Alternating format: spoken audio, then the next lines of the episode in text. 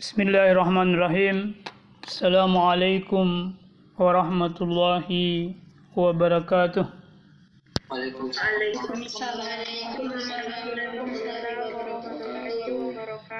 Alhamdulillah.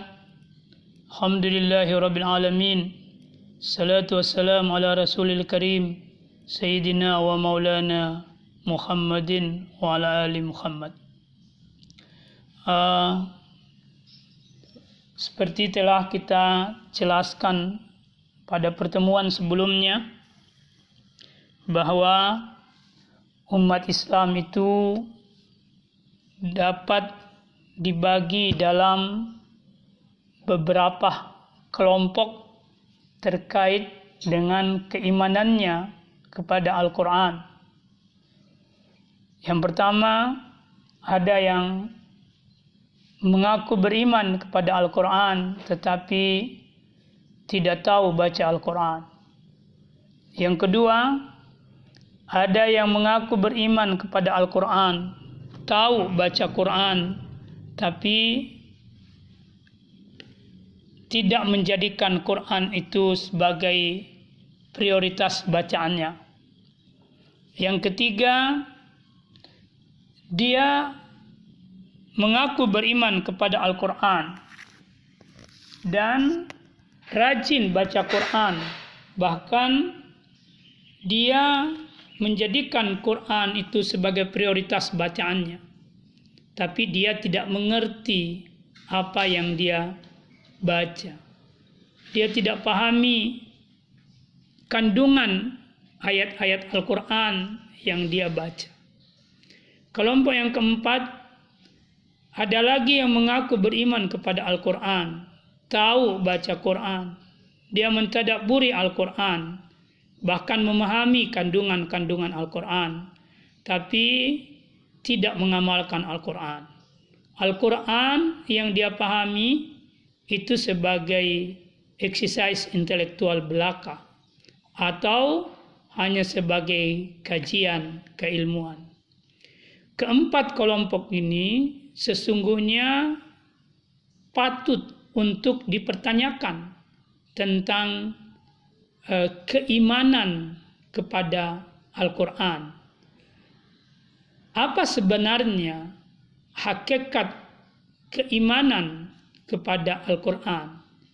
Apanya Al-Quran yang mesti diimani?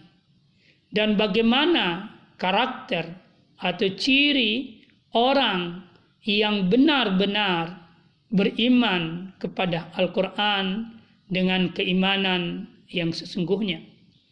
Ini beberapa pertanyaan yang coba kita akan bahas pada kesempatan hari ini. Baik, kita mulai dari makna iman. Kata iman itu mengandung makna aman, Rasa aman itu hadir ketika hati menjadi tenang atau ketakutan dan kekhawatiran itu terangkat. Itu namanya aman. Dari kata ini, dari kata amina ini, menurut Al-Asfahani, dalam kamus bahasa Al-Quran, dia mengatakan bahwa kata iman itu menunjuk kepada penerimaan atau mempercayai syariat Nabi Muhammad Sallallahu Alaihi Wasallam. Kata iman juga biasa digunakan untuk menunjuk kelompok orang yang masuk ke dalam Islam sebagai agama yang dibawa oleh Nabi Muhammad SAW. Makna iman juga menunjuk makna kepada kepatuhan kepada Allah Subhanahu wa taala. Kepatuhan ini menuntut tiga makna yang lain, yakni pembenaran di dalam hati, kemudian pengakuan lisan, dan ketiga pembuktian dalam action atau perbuatan. Ha. Kalau makna-makna iman ini kita kaitkan dengan Al-Quran atau beriman kepada Al-Quran, maka yang dimaksud dengan beriman kepada Al-Quran adalah mempercayai atau meyakini atau mentaati Al-Quran. Jadi, kita membenarkan Al-Quran, kita mempercayai Al-Quran. Kepercayaan dan pembenaran kita terhadap Al-Quran itu menuntut kita untuk patuh terhadap ajaran-ajaran Al-Quran. Karena itu keimanan kepada Al-Quran itu meliputi pembenaran dalam hati terhadap Al-Quran. Yang kedua, pengakuan lisan terhadap Al-Quran. Yang ketiga, pengamalan Al-Quran dalam bentuk action. Ini yang makna iman kepada Al-Quran. Kita lihat lebih jauh bagaimana sebenarnya karakteristik atau sebelum kita bahas tentang karakteristik Al-Quran, orang yang beriman kepada Al-Quran, kita akan sampaikan dulu apa yang mesti diimani dari Al-Quran.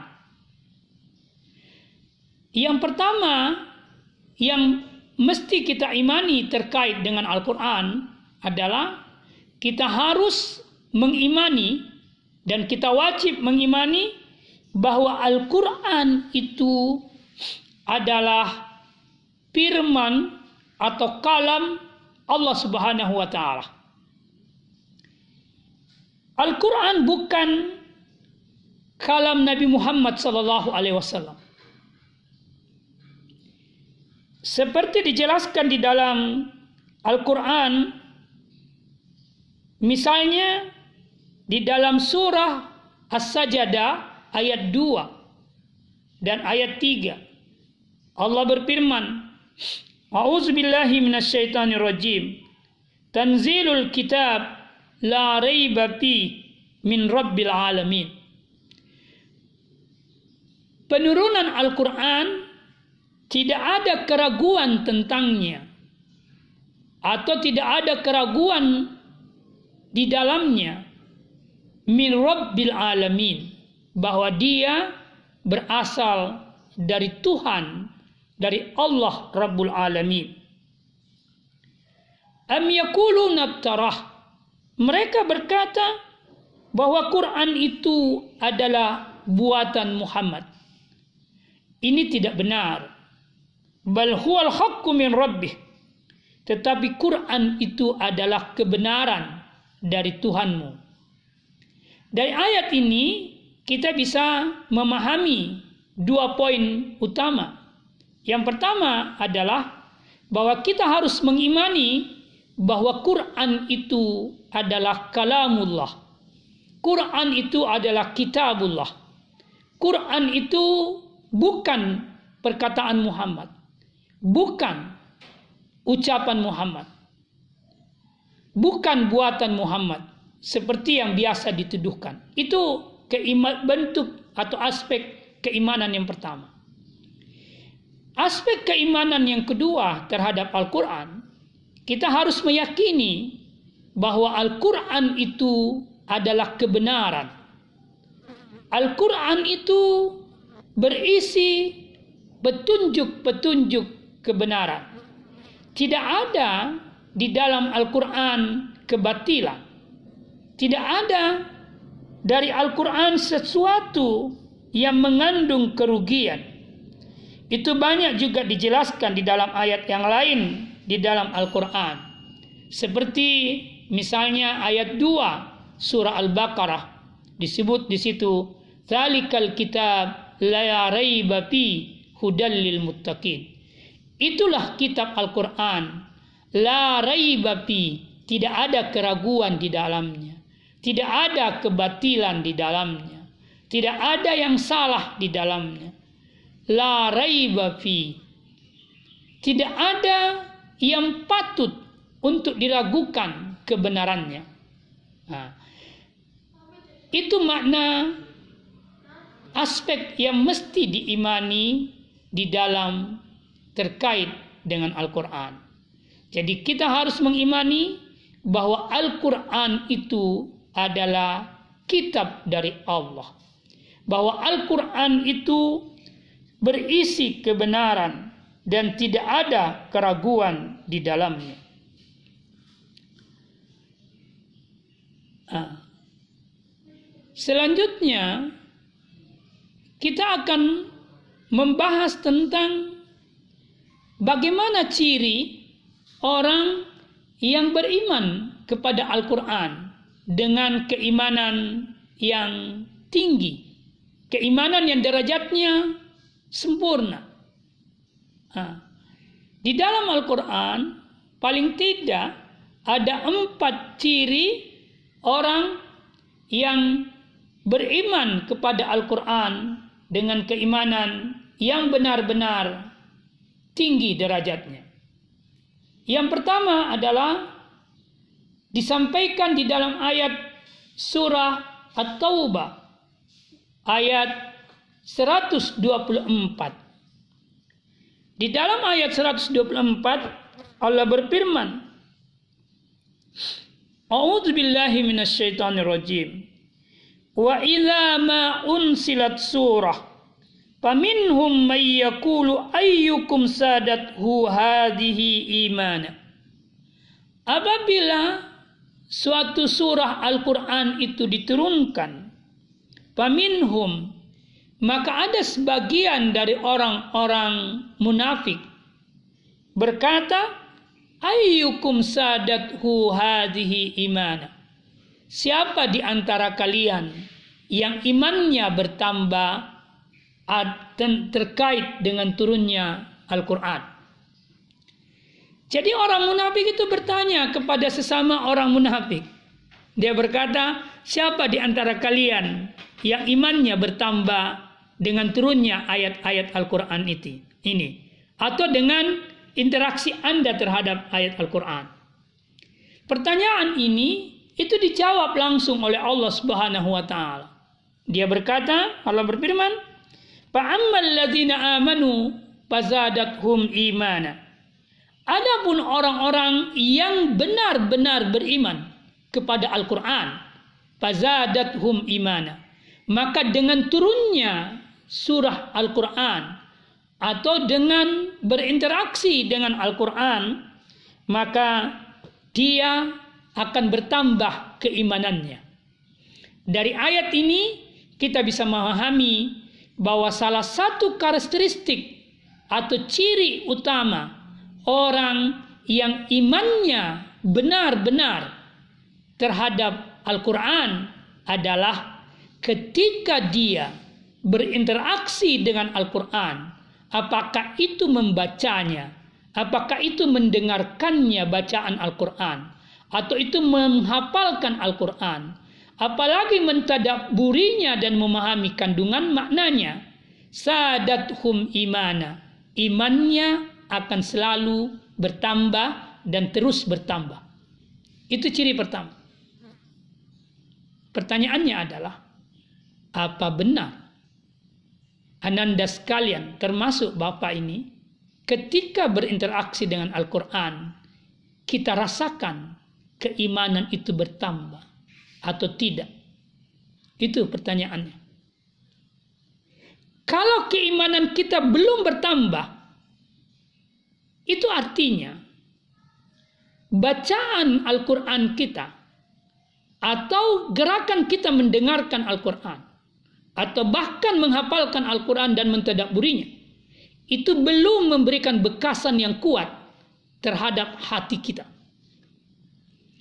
Dan itu mengisyaratkan bahwa keimanan kita kepada Al-Quran itu masih perlu untuk ditingkatkan, masih perlu untuk diasah, masih perlu untuk diperbaharui, supaya kita sampai pada kualitas iman yang sesungguhnya terhadap Al-Quran. Yang salah satu cirinya adalah setiap kita berinteraksi dengan Al-Quran, kita merasakan suatu bekasan, iman kita semakin kuat dan terus bertambah.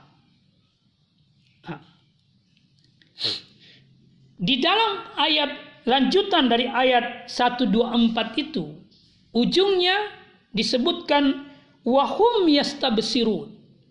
Orang-orang yang betul-betul beriman kepada Al-Quran dengan keimanan yang sejati, yang tinggi derajatnya, bukan saja imannya semakin bertambah ketika dia eh, mendengarkan, membaca, menghafal, atau berinteraksi dengan Al-Quran dalam bentuk apa pun, tetapi dia juga memiliki karakter sikap gembira berinteraksi dengan Al-Quran. Wahum yastabsirun. Mereka itu senantiasa bergembira kalau dia eh, berinteraksi dengan Al-Quran. Dia gembira membacanya. Dia senang mendengarkannya. Dia gembira ketika dia menghafalkannya. Dan dia bergembira mentadaburinya. Artinya apa ananda sekalian? Keimanan yang benar-benar terhadap Al-Quran itu ada kerinduan di sana. Ada kerinduan terhadap Al-Quran.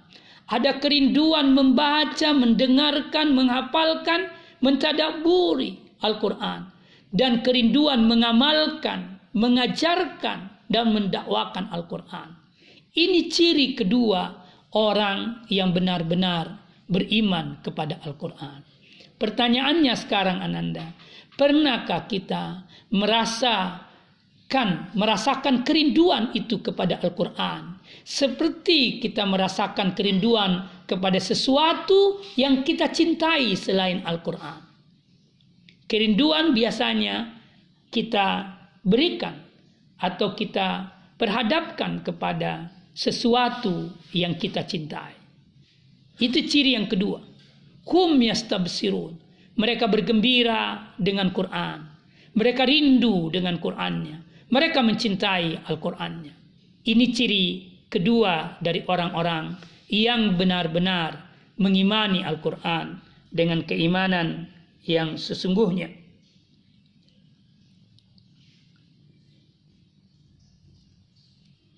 Ciri yang ketiga dari orang yang mengimani Al-Quran dengan keimanan yang sesungguhnya adalah mereka ketika membaca Al-Quran, ketika mendengarkan Al-Quran, dia tersungkur, sujud, bahkan menangis karena bacaan-bacaan Al-Quran yang dia baca, yang dia dengar, yang dia hafalkan, dan dia tadaburi.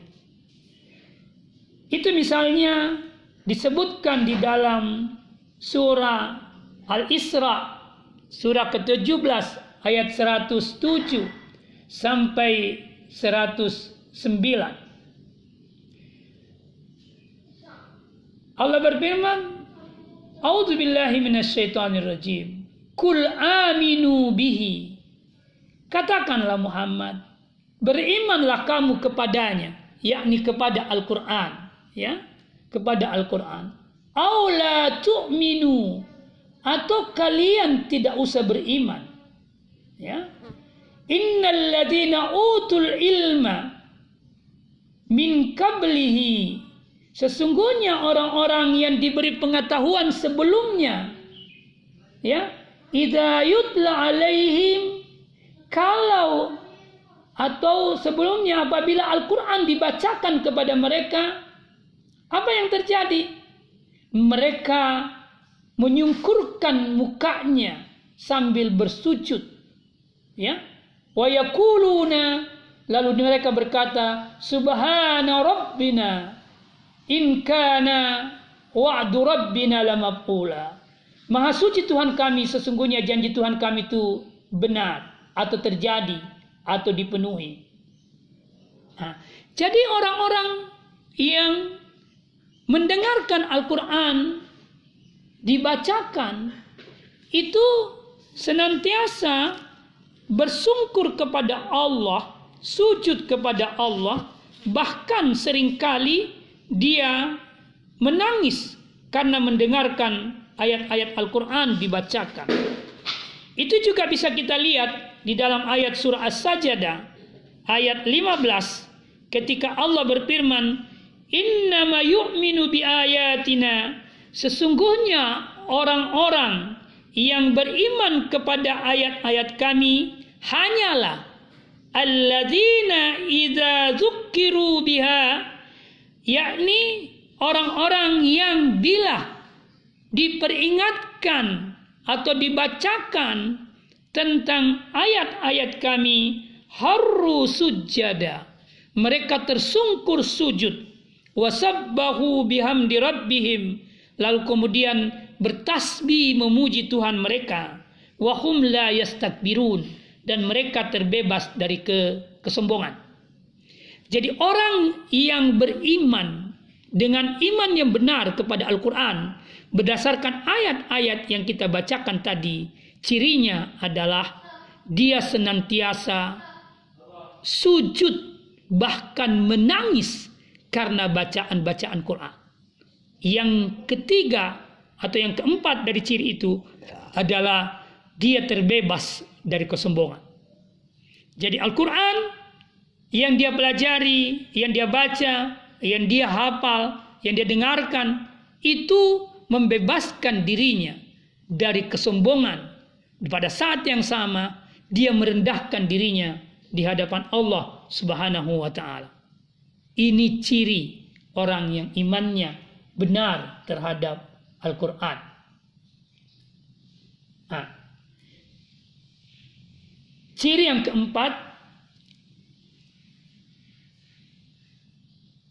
orang yang beriman kepada Al-Quran itu dengan benar sebenar-benarnya keimanan maka dia tidak akan berhukum kecuali dengan hukum Al-Quran. Artinya, segala problem kehidupan yang dia alami dan dia jalani, senantiasa dia mencari solusinya. Dia mencari jalan keluarnya dari ayat ayat Al-Quran. Itu diisyaratkan di dalam ayat A'udzu. Fala wa rabbika la yu'minuna hatta yuhaqqimuka fima sajara bainahum.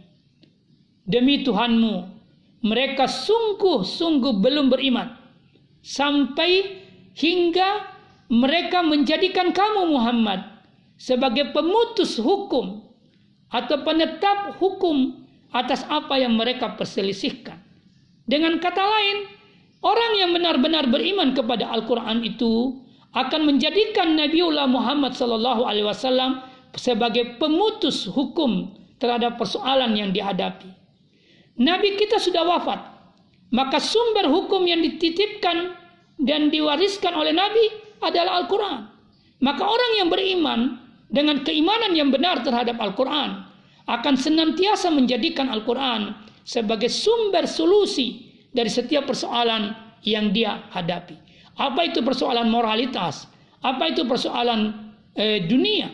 Apakah itu persoalan keagamaan? Itu semuanya dicari solusinya dari Al-Quran.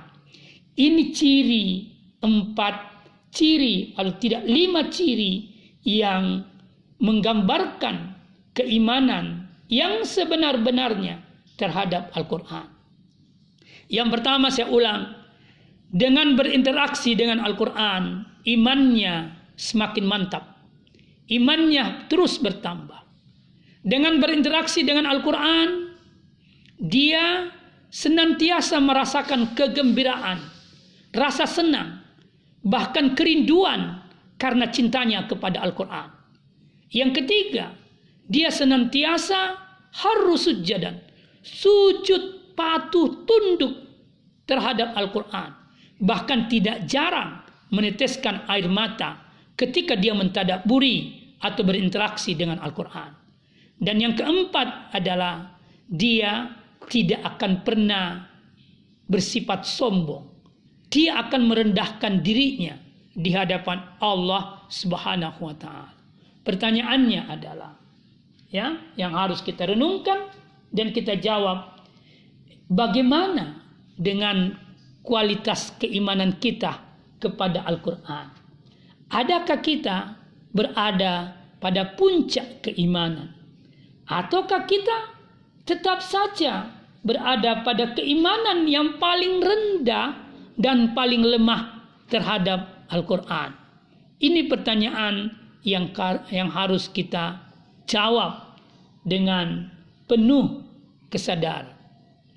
Nah, Nanda sekalian, saya ingin katakan bahwa sekiranya kita berada pada salah satu dari empat kelompok yang kita sudah sebutkan sebelumnya di awal pekajian kita terhadap Al-Quran, maka menurut saya sudah waktunya untuk kita berusaha keras untuk memperbaiki keimanan kita terhadap Al-Quran hingga kita bisa mencapai derajat keimanan yang tinggi terhadap Al-Quran eh,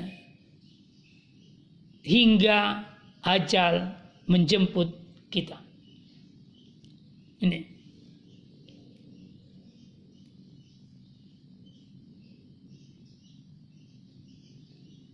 Jangan sampai kita termasuk dalam kategori orang-orang yang diadukan oleh Rasulullah sallallahu alaihi wasallam kepada Allah Subhanahu wa taala. Seperti yang disebutkan di dalam eh, Quran surah Al-Furqan ayat 30 31 di dalam Al-Quran surah Al-Furqan ayat 30 31 itu Allah berfirman terkait dengan eh, penyikapan manusia terhadap Al-Quran. Wakala Rasul berkata Rasul, Ya Rabbi, inna qaumi ittahadu hadzal Qur'ana mahjura. Ya, wahai Tuhanku, sesungguhnya kaumku telah menjadikan Al-Quran ini sesuatu yang diabaikan, sesuatu yang dicuekin. Lalu Allah menjawab, Wa kadzalika ja'alna likulli nabiyyin aduwan minal mujrimin. Begitulah Muhammad, aku jadikan, kami jadikan bagi setiap nabi aduan, musuh minal mujrimin dari kalangan orang-orang yang pendosa. Nah, ayat ini berisi pengaduan Nabi kepada Allah Subhanahu wa taala. Nabi berkata, "Ya Allah, ada sebagian umatku, kaumku menjadikan Al-Qur'an ini sesuatu yang dicuekin. Apa yang dimaksud dengan dicuekin? Yang dimaksud dengan dicuekin dari beberapa kajian dari kitab tafsir itu pertama adalah mereka yang tidak mengimani Al-Quran. Ini tingkat kecuekan yang paling tinggi. Kemudian yang dibawanya adalah mereka yang mengimani Al-Quran tapi tidak mengetahui tentang Al-Quran. Tidak mengilmui Al-Quran. Nah, kalau kita kategorikan dalam empat itu tidak tahu baca Quran. Itu termasuk orang yang cuek terhadap Al-Quran. Atau mereka yang tahu baca Quran, tapi tidak menjadikan Quran sebagai prioritas bacaannya. Itu juga termasuk orang yang cuekin terhadap Al-Quran. Yang selanjutnya, mereka yang tahu baca Quran, bahkan rajin baca Quran, tapi dia tidak mengerti apa yang dia baca. Sehingga tanpa dia sadari, dia melanggar sendiri apa yang dibaca, yang telah dia baca dari Al-Quran. Ini juga masuk masih masuk dalam kategori cuek. Yang ke selanjutnya, dia tahu baca, dia paham artinya, dia mengerti petunjuknya, tapi dia tidak amalkan apa yang dia sudah paham. Itu juga termasuk dalam kategori masih mencuekin Al-Quran. Satu-satunya yang tidak termasuk dalam kategori mencuekin Al-Quran adalah ketika dia mengimani Al-Quran, lalu kemudian berusaha keras untuk mengetahui dan membaca Quran dan memahami kandungannya, lalu kemudian dia amalkan, lalu kemudian dia ajarkan dan dia dakwakan. Ini orang yang tidak masuk dalam kategori mencuekin Al-Quran. Sekarang pertanyaannya, apa kita tidak masuk dalam kategori mencuekin Al-Quran? Atau kita masuk dalam kategori mencuekin Al-Quran? Kalau sekiranya kita masuk dalam kategori mencuekin Al-Quran, maka patut kita berhati-hati karena Tuhan menegaskan kadzalika ja'alna likulli nabiyyin aduwan minal mujrimin. Begitulah Muhammad, aku jadikan bagi setiap nabi musuh. Artinya apa? orang yang bersikap cuek terhadap Al-Quran itu adalah musuhnya Muhammad Sallallahu Alaihi Wasallam. Dan dia terkategorikan al-mujrimin, orang-orang yang pendosa. Di dalam ayat lain, di dalam surah Al-An'am ayat 112, Allah berfirman, Wa kadzalika ja'alna likulli nabiyyin aduan sayatinal insi wal jin. Begitulah aku jadikan bagi setiap nabi musuh. Siapa dia? Manusia setan dan jin setan. Artinya nanda sekalian, orang yang bersikap cuek terhadap Al-Quran sesungguhnya adalah manusia setan. Kenapa dia disebut manusia setan? Yakni manusia yang mencontohi dan mengikuti langkah-langkah setan. Ini. Ah. Karena itu saya ingin tegaskan lewat pertemuan ini bahwa kita harus berusaha sekeras mungkin untuk berinteraksi dengan Al-Quran sebaik mungkin, semaksimal mungkin untuk mempermantap keimanan kita kepada Al-Quran. Apa bentuk interaksi yang paling utama sebelum kita mengamalkan dan mendakwakan dan mengajarkan Al-Quran itu selain dari membaca, selain dari mendengarkan, selain dari menghafalkan adalah mentadaburi Al-Quran. Mentadaburi Al-Quran. Apa yang dimaksud dengan mentadaburinya? Yakni membacanya untuk memahaminya. Membacanya untuk mengkaji maknanya mendengarkannya untuk merenungkan kandungannya, menghafalnya bukan saja lapasnya, tapi juga menghafal makna-maknanya, memahami makna-maknanya. Setelah kita pahami itu, lalu kemudian kita melangkah untuk mengamalkannya. Itulah sebabnya di dalam surah Muhammad ayat 23 Allah berfirman Apala yatadabbaruna al-Qur'ana am ala kulubin akpaluha. Tidakkah mereka itu mentadaburi Al-Quran? Ataukah hati mereka tertutup? Jadi, di situ Allah bertanya, Apalah yatadabbarun Al-Quran? Tidakkah mereka mentadaburi Al-Quran? Pertanyaan Allah ini, itu paling tidak mengandung dua makna yang kontraproduktif. Satu, mengandung makna celaan dan ancaman kepada mereka yang tidak melakukan atau menegakkan gerakan tadabbur Al-Quran. Allah mencela mereka yang tidak memahami Al-Quran. Allah mencela mereka yang tidak mencadaburi Al-Quran. Salah satu bentuk celaan itu adalah atau ancaman itu adalah ala kulubin akfaluha. Hatinya tertutup. Nih. Jadi orang yang tidak mentadaburi Al-Quran itu ada kemungkinan hatinya tertutup. Kalau hati tertutup, sulit sekali untuk bisa menerima kebenaran. Salah sedikit, kebatilan dianggap kebenaran. Ini. Lalu apa yang bisa membuka hati kita? Yang bisa membuka hati kita adalah ketika kita membangun suatu gerakan mentadaburi Al-Quran. Maka insya Allah hati kita akan terbuka. Nah, orang yang mentadaburi Al-Quran itu dipuji oleh Allah. Orang yang mentadaburi Al-Quran itu disanjung oleh Allah. Orang yang mentadaburi Al-Quran dimuliakan oleh Allah.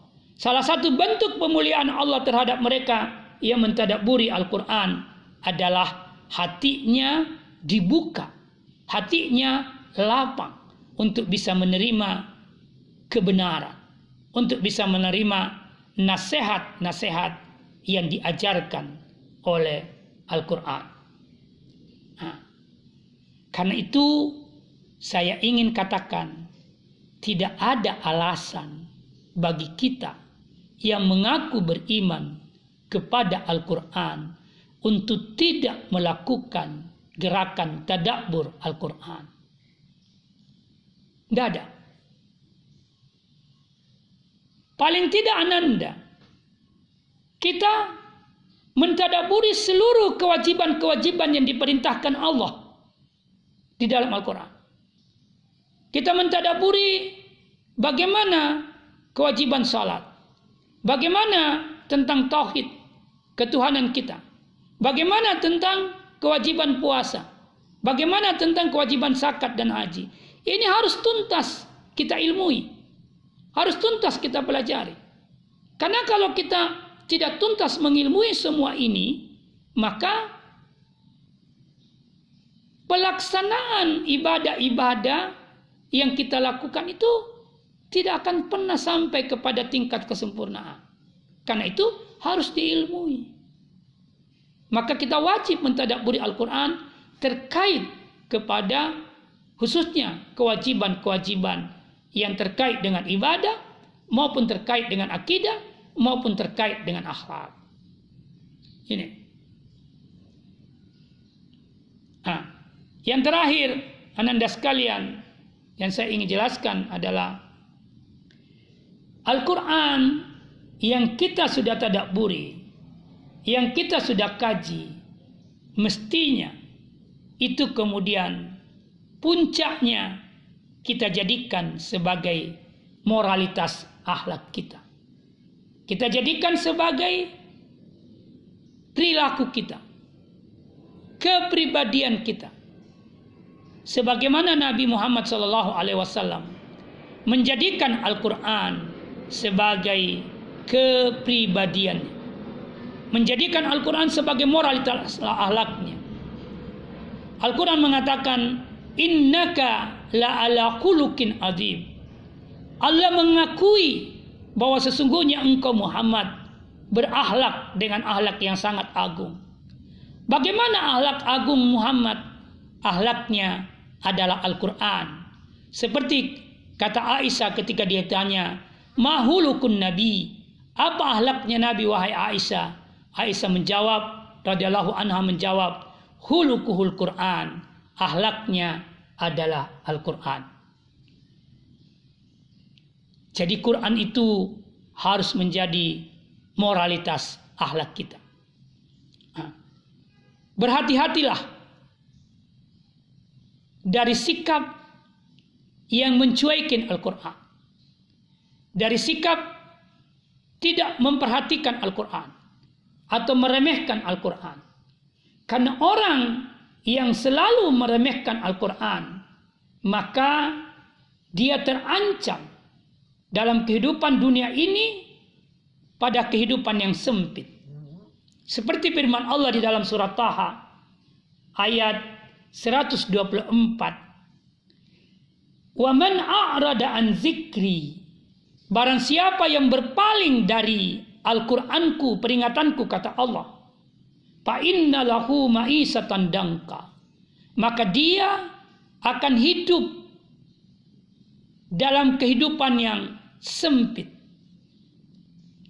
Wa nahsuruhu yaumal kiamati a'ma.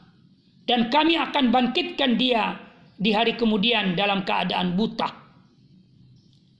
Apa yang dimaksud dengan uh, kehidupan yang sempit? Yang dimaksud kehidupan yang sempit itu hati yang tertutup. Hati yang sempit. Orang yang hatinya sempit dan tertutup, dia selalu dalam kegelisahan. Dia tidak akan pernah merasakan kedamaian, ketentraman, meskipun dia sehat, meskipun dia kaya, meskipun dia dalam status sosial yang tinggi. Karena yang bisa membuat orang tenang, hati lapang adalah ketika cahaya-cahaya Quran itu kita hidupkan dalam hati kita atau mencahayai hati kita sehingga kita hidup dengan kualitas hati yang hidup, kualitas hati yang nurani, kualitas hati yang bercahaya. Orang yang tanpa Quran atau hidup tanpa Quran, maka selain kehidupannya di dunia sempit, yang lebih parah lagi adalah ketika dia dibangkitkan nanti di hari kemudian, dia akan dibangkitkan dalam keadaan buta. Lalu dia berkata kepada Allah, "Ya Allah, mengapa Engkau bangkitkan aku dalam keadaan buta? Sementara ketika aku di dunia, saya melihat apa jawaban Allah terhadap pertanyaan orang-orang yang dibangkitkan dalam keadaan buta? Allah mengatakan, dulu atat ayatuna. Dulu ayat kami telah datang kepadamu. Quran itu telah diturunkan kepada kalian. Tetapi kalian melupakannya. Maka hari ini pun tunsa kalian akan dilupakan. Tidak ada kesensaraan yang paling merugikan kecuali dilupakan oleh Allah Subhanahu wa taala. Dan apa yang menyebabkan kita dilupakan oleh Allah? Karena kita melupakan ayat-ayat Al-Quran dalam kehidupan kita di dunia. Silahkan memilih Ananda. Mau mengingat dan mentadaburi ayat-ayat Al-Quran? Sehingga kita bisa dimuliakan oleh Allah di hari kemudian. Ataukah kita mencuekin ayat-ayat Al-Quran? Akhirnya kita pun akan dicuekin oleh Allah pada hari kemudian. Seperti disebutkan di dalam surah Taha ayat 125 tadi. Ya.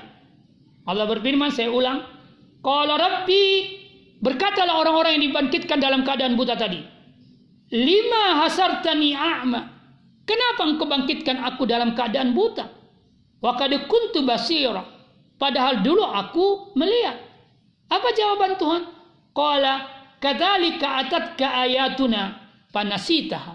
Begitulah aku datangkan kami datangkan ayat-ayat kami kepadamu lalu kamu melupakannya. Wa kadzalikal yauma tunsa maka hari ini pun engkau dilupakan. Wa kadzalika najsi begitulah kami membalas orang-orang yang melampaui batas. Man asrafa walam yu'minu bi ayati rabbih. Bi ayati rabbih. Orang-orang yang melampaui batas. Apa bentuk pelampauan batas itu? La yu'minu bi ayati rabbih. Tidak beriman atau bersikap cuek terhadap ayat-ayat Tuhan ini bahaya yang lain daripada orang-orang yang cuek dari dari Al-Qur'an itu adalah dia selalu dalam kegelapan dan dia akan berada dalam kerugian. Dengan kata lain, hidup tanpa Al-Quran adalah kegelapan dan kerugian. Al-Quran menegaskan ini di dalam surah Al-Isra ayat 82. Wa nunazzilu minal Qur'an ma huwa shifaa'un wa rahmah lil zalimina illa hasara wala yazidu zalimina illa hasara Dan kami turunkan dari Al-Quran sesuatu yang bisa menjadi obat penawar dari penyakit-penyakit hati, dari kotoran-kotoran batin, dan rahmat serta kebajikan bagi orang-orang yang beriman. Jadi Quran itu menjadi kebajikan bagi orang yang beriman. Sekaligus obat penawar dari segala penyakit-penyakit batin. Misalnya kemunafikan, kesirikan, kezaliman, riak, sum'ah, ujub dan sebagainya. Tetapi bagi orang-orang yang zalim yang tidak mengambil Quran sebagai lifestyle-nya, petunjuk kehidupannya dengan Quran yang dia abaikan, dia akan merasakan apa yang disebut dengan khasara, kerugian yang nyata. Ya. Dalam ayat yang lain dikatakan wa man adlama mimman sukkira bi ayati thumma a'rada anha inna minal mujrimina muntaqimun. Dan siapakah yang lebih zalim daripada orang yang diperingatkan dengan ayat-ayat Tuhannya. Kemudian dia berpaling darinya. Summa a'rada anha.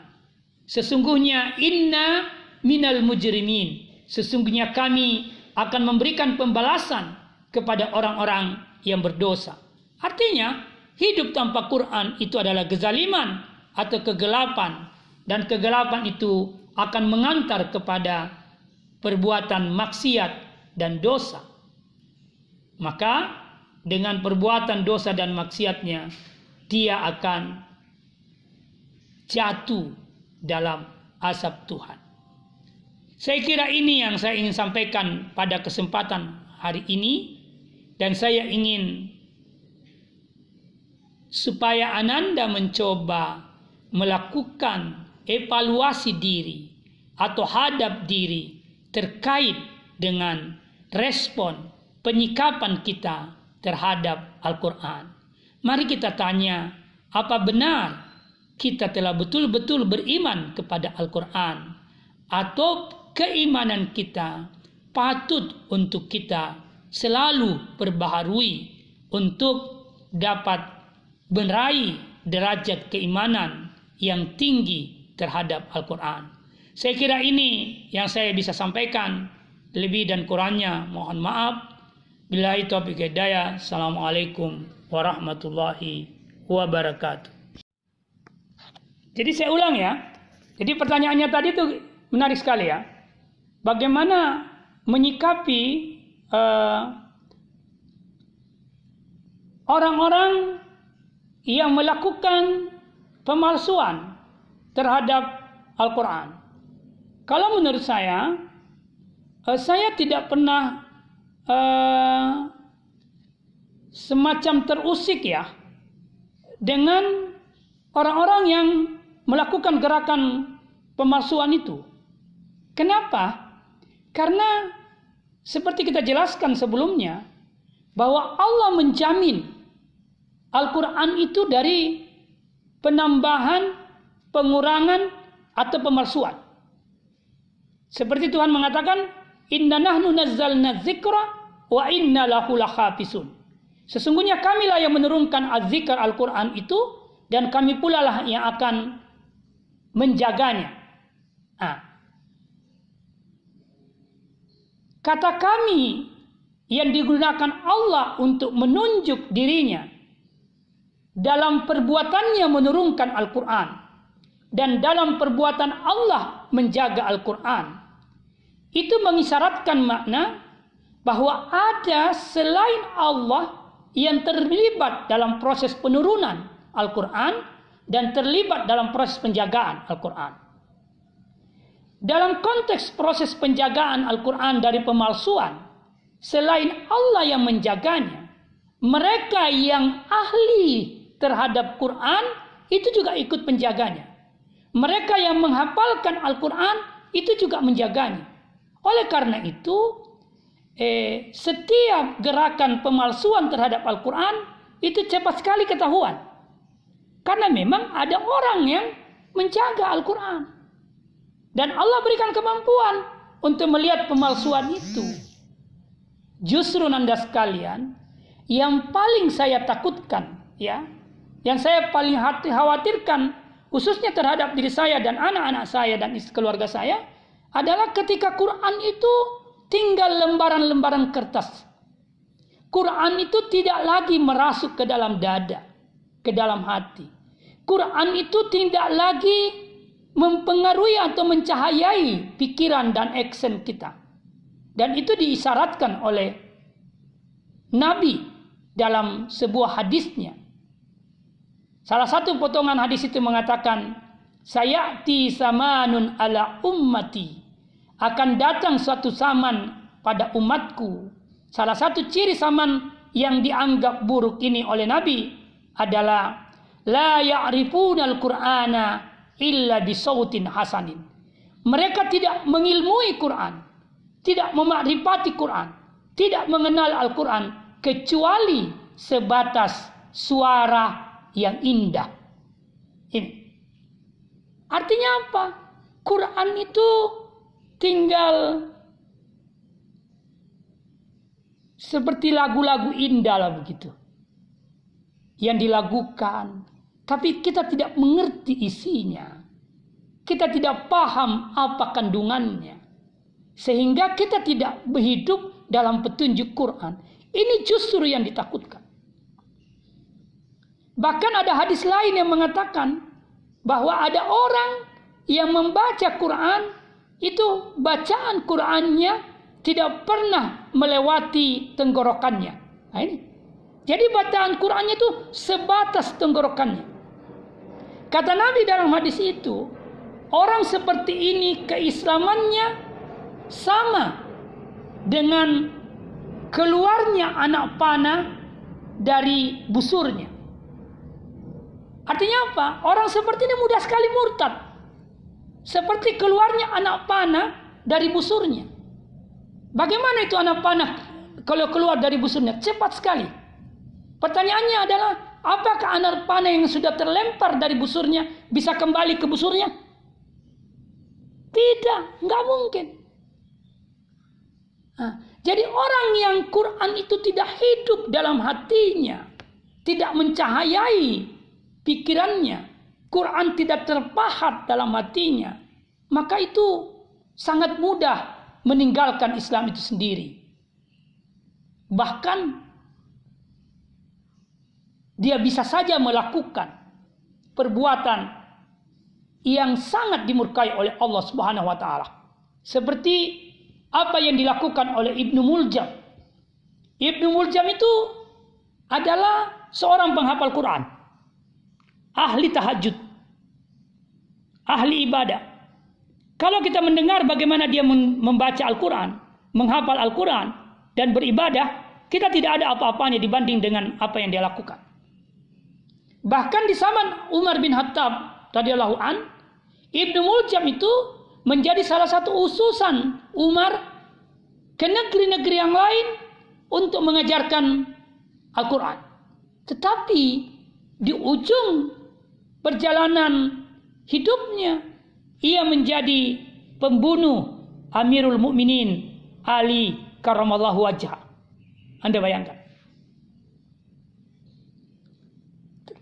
yang lebih menarik lagi ya, yang lebih menarik lagi kematian Ali itu sudah disampaikan oleh Nabi Muhammad sallallahu alaihi wasallam sebelum Nabi Muhammad wafat.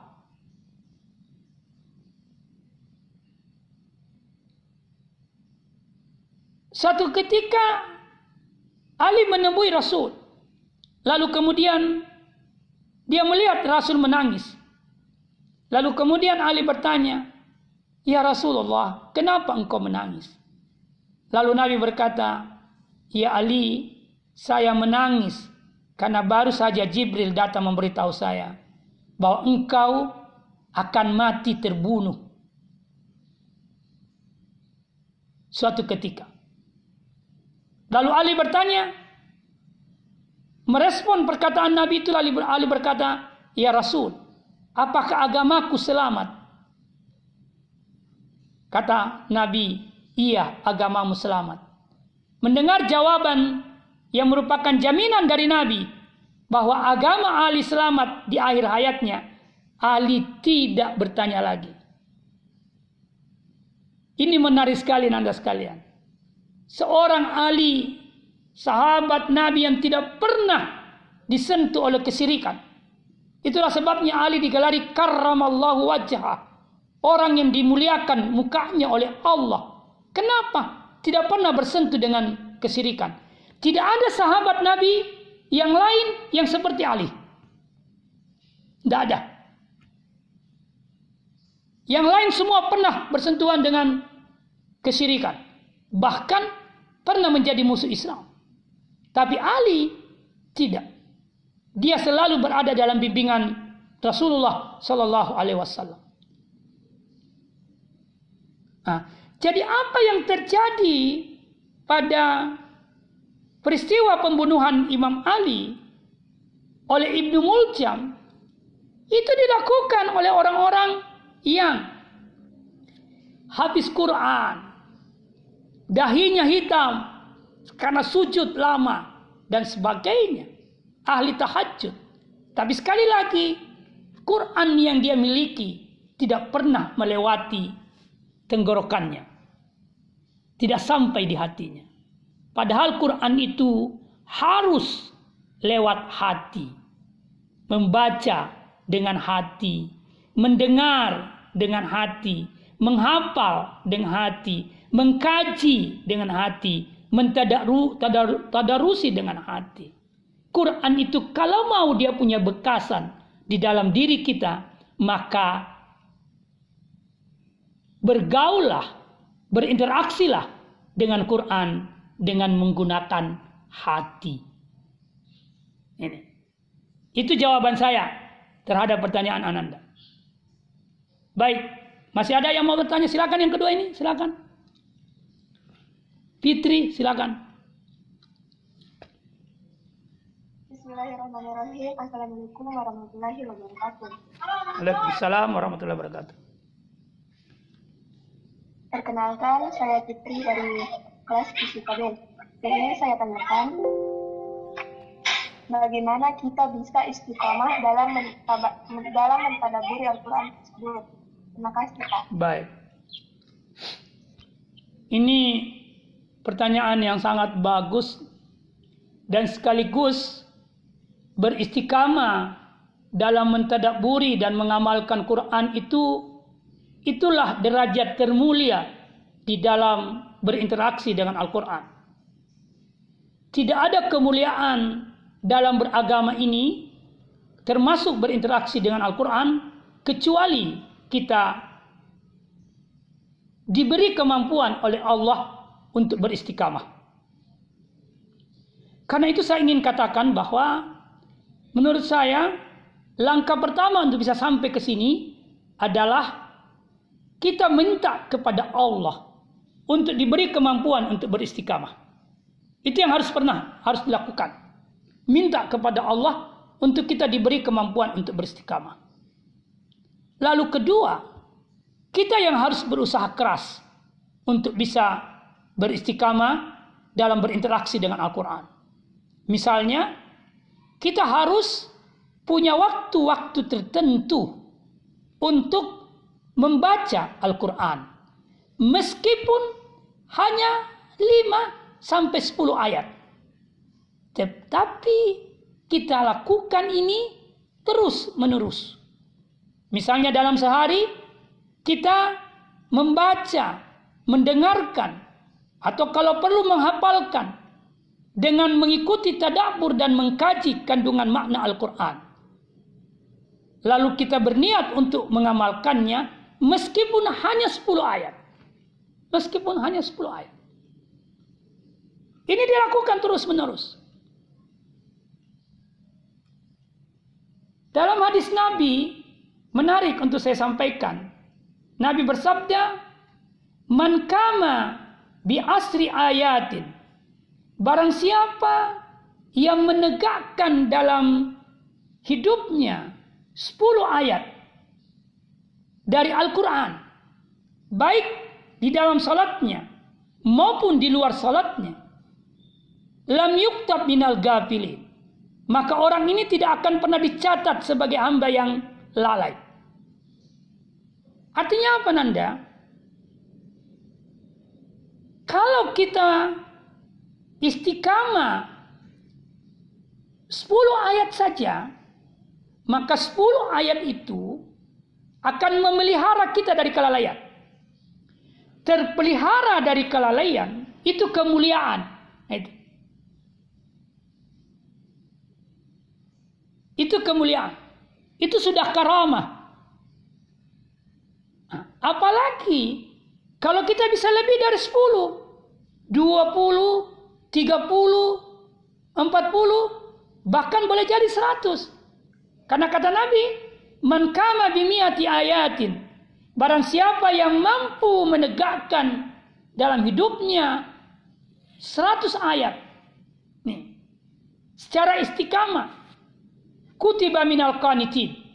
Maka dia akan tercatat sebagai hamba yang kunut, patuh tunduk secara totalitas kepada Allah. Ini derajat tinggi, derajat kanitin ini. Secara spiritual. Bahkan Nabi berkata, "Wa man kama bi alfi ayatin." Barang siapa yang mampu menegakkan seribu ayat dalam hidupnya, baik dalam salatnya maupun di luar salatnya, kutiba minal mukantirin orang ini akan dicatat sebagai hamba yang paling kaya di sisi Allah Subhanahu wa taala. Karena itu, sekali lagi kalau Anda bertanya, apa yang harus kita lakukan untuk bisa istiqamah? Yang pertama, mintalah tolong kepada Allah Subhanahu wa taala untuk diberi kemampuan beristiqamah. Karena hanya Allah yang bisa memberi kemampuan untuk itu. Tapi pada saat yang sama, kita harus bekerja keras berusaha keras dalam interaksi kita terhadap Al-Quran dalam hidup dan kehidupan kita. Dalam keseharian hidup kita. Itu yang Anda harus lakukan. Baik, itu jawaban saya. Selanjutnya saya persilakan kepada Muhammad Amar. Terima kasih banyak Pak. Ya, sama-sama. Assalamualaikum warahmatullahi wabarakatuh. Assalamualaikum warahmatullahi wabarakatuh. Terima kasih atas kesempatan yang diberikan Pak. Eh, perkenalkan saya Muhammad Amar Syurhab dari dari kelas CKB. Pertanyaan saya, ciri, tadi Bapak sebutkan bahwa salah satu dari empat ciri orang beriman kepada Al-Quran yang yaitu eh, tidak berhukum kecuali dengan hukum Al-Quran Pertanyaan saya bagaimana hukum seperti negara kita yang yang tidak sepenuhnya mengambil ajaran Islam dan se seperti sekarang kasus korupsi Juliet Batubara dan dan seperti Saiful Jamil yang melakukan pedofilia tapi tetap dianggap sebagai public figure yang putih baik. Setelah itu bagaimana kita harus bersikap terhadap hal-hal seperti itu, Pak? Demikian pertanyaan saya. Baik. Uh, berhukum berdasarkan Al-Quran itu salah satu maknanya adalah berhukum berdasarkan nilai-nilai Al-Quran atau berhukum berdasarkan nilai nilai Al-Quran. Misalnya dalam konteks bernegara, ya dalam konteks bernegara. Menurut saya negara Indonesia ini yang berideologi Pancasila itu adalah isi daripada lima sila itu sangat Qurani. Karena itu bangsa Indonesia yang menjadikan Pancasila sebagai ideologi negara atau sumber inspirasi nilai hukum dalam bernegara itu Qurani. Itu Quran. Karena itu menurut saya ini harus dijaga. Ini tugas mas, eh, apa, masyarakat muslim untuk menjaganya. Jangan sampai ada orang yang merubah Pancasila itu. Jangan sampai ada orang yang mencoba menista Pancasila itu. Karena nilai-nilai yang ada dalam lima sila itu sangat diwarnai oleh nilai-nilai Islam. Bahkan mungkin tidak terlalu benar tapi saya meyakini ada kebenarannya kalau saya berkata sebenarnya Pancasila dengan lima sila dalam konteks keindonesiaan itu tidak jauh berbeda dengan piagam Madinah yang dibuat oleh Nabi dalam konteks negeri Madinah pada zaman Nabi. Piagam Madinah itu dibuat oleh Nabi ketika Al-Quran belum tuntas turun. Ketika Al-Quran belum semuanya turun. Tapi nilai yang ada pada piagam Madinah itu justru nilai-nilai Quran. Nilai Quran. Jangankan itu nanti sekali. Saya punya buku terkait dengan Amerika. Saya lupa. Tapi undang-undang yang dibuat pada masa Presiden Amerika itu, awal-awal Amerika itu justru dicahayai dengan nilai-nilai Al-Quran. Kalau secara salah John Emerson gitu ya. Itu dicahayai oleh Al-Quran. Nah, sama dengan bangsa kita ini. Itu dicahayai dengan Al-Quran. Nah, tapi sekali lagi. Jangankan bangsa kita yang tidak berdasarkan langsung dengan Al-Quran. Negeri-negeri Islam yang menjadikan Quran sebagai landasan atau sumber hukumnya justru sering kali menyalahi Al-Quran.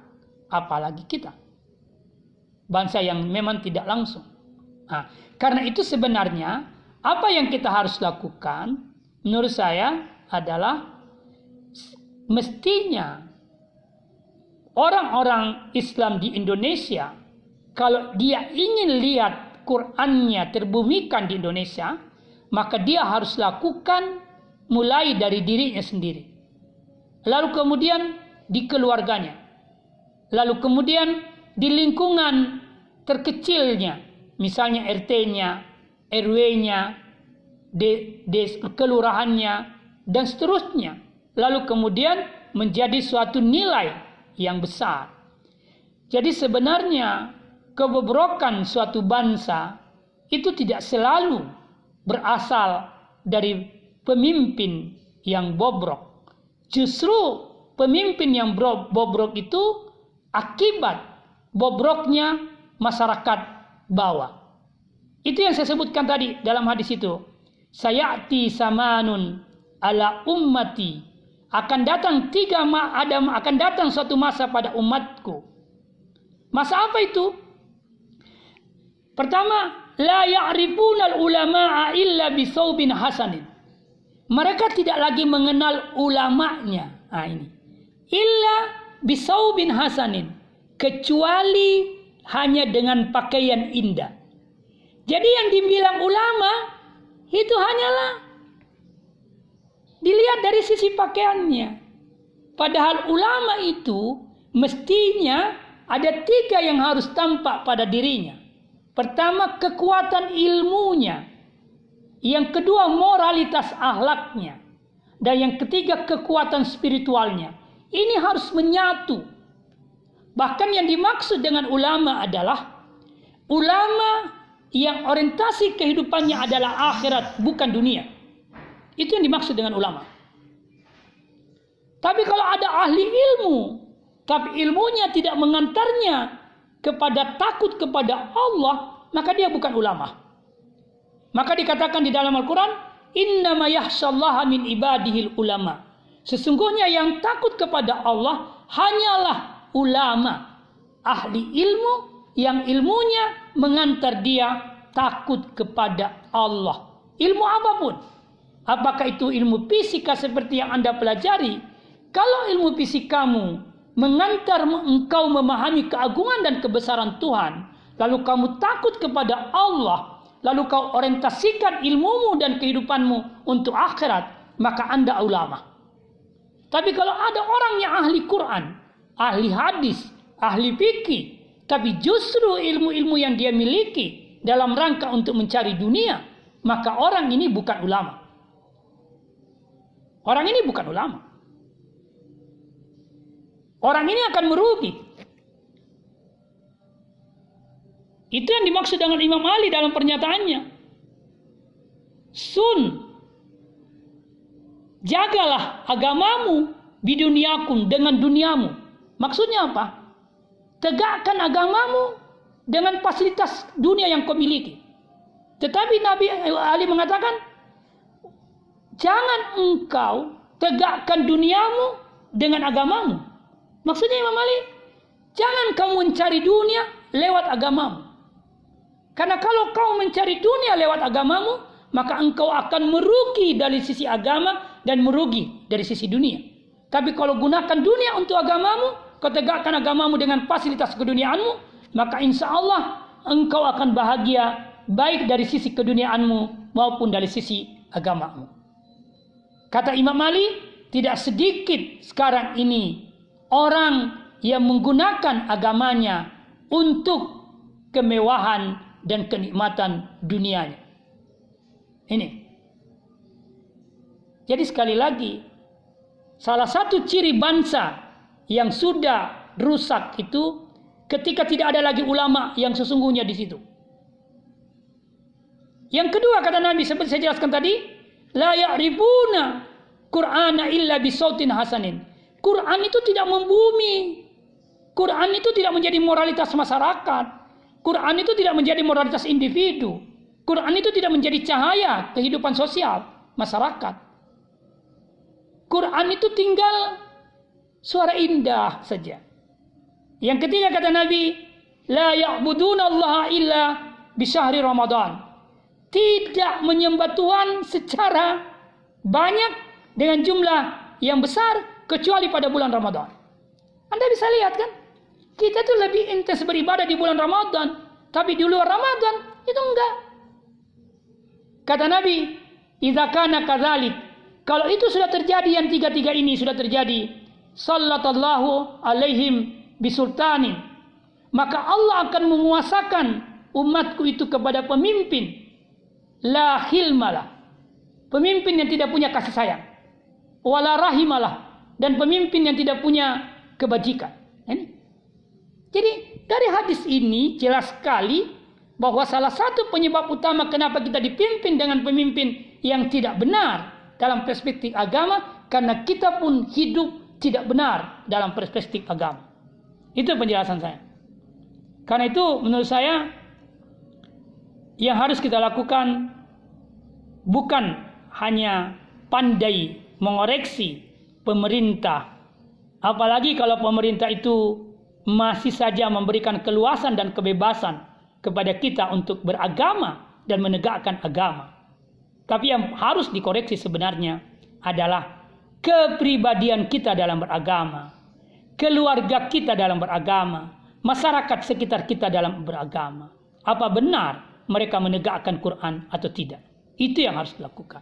Karena itu menurut saya gerakan yang paling bagus dalam konteks sekarang ini adalah bagaimana membumikan Quran dalam setiap individu, keluarga, dan masyarakat Muslim yang ada di Indonesia. Kalau ini bisa kita lakukan, maka dia akan tegak Islam Indonesia ini.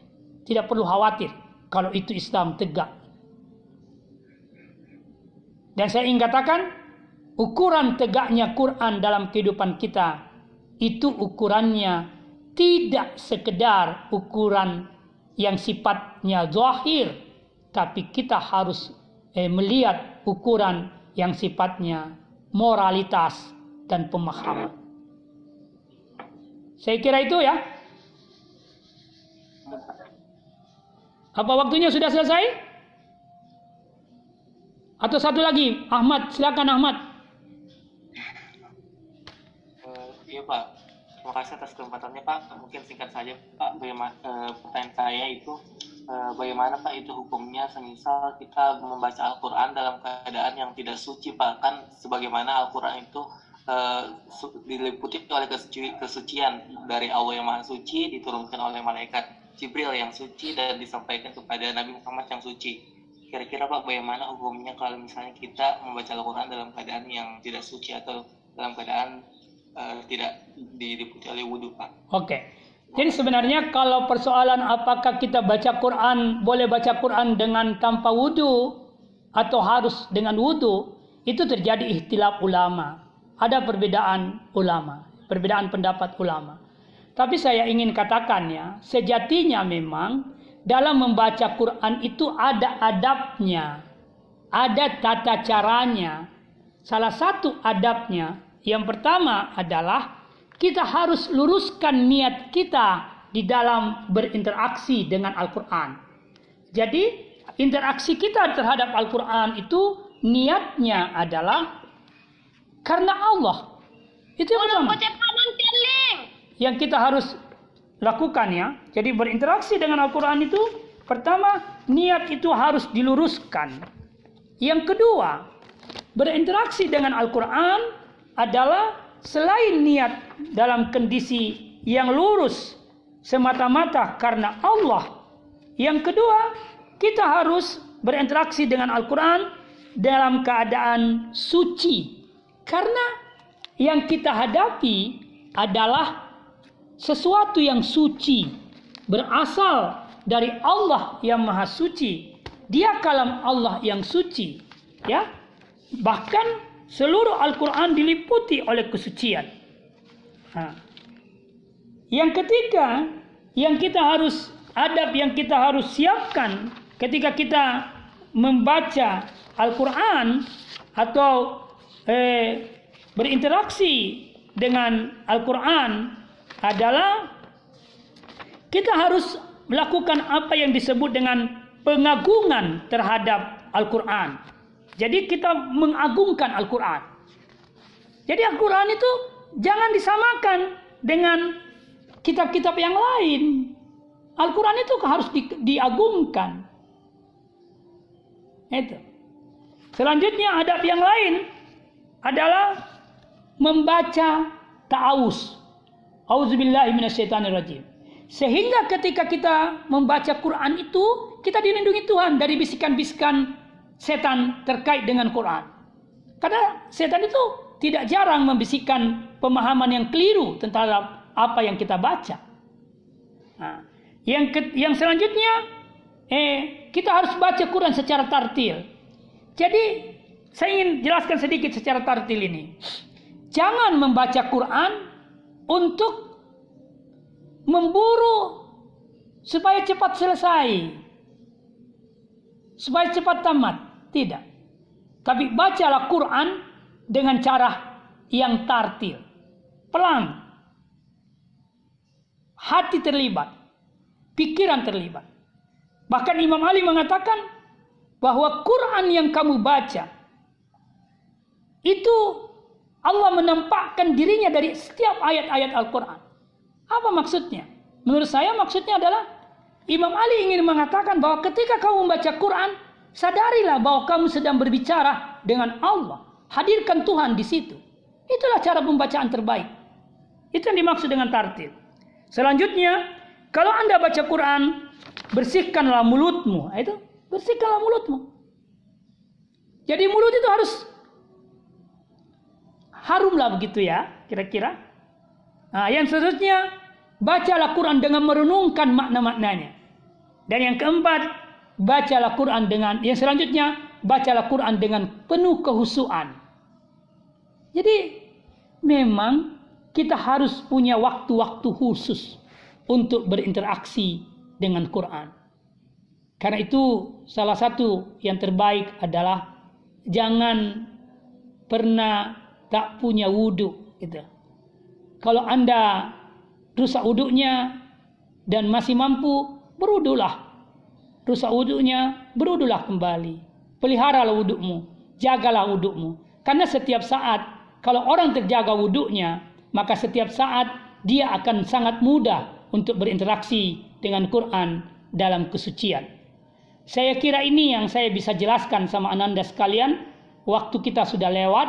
Lebih dan kurangnya mohon maaf. Billahi taufiq wal hidayah. Assalamualaikum warahmatullahi wabarakatuh.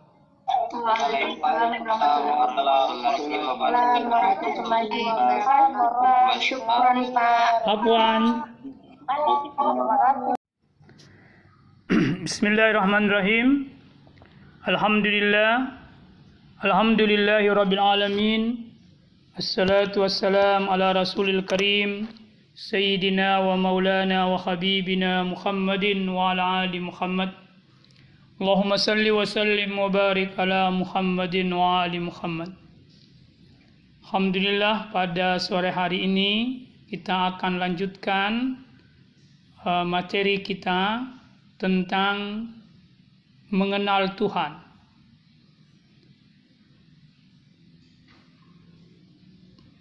Pembicaraan tentang mengenal Tuhan itu adalah materi yang sangat fundamental di dalam ajaran Islam.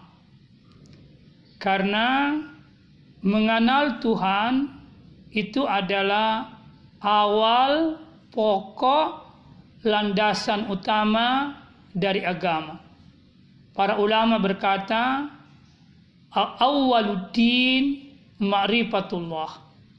Awalnya, pokoknya, dasarnya agama adalah mengenali Allah Subhanahu wa taala.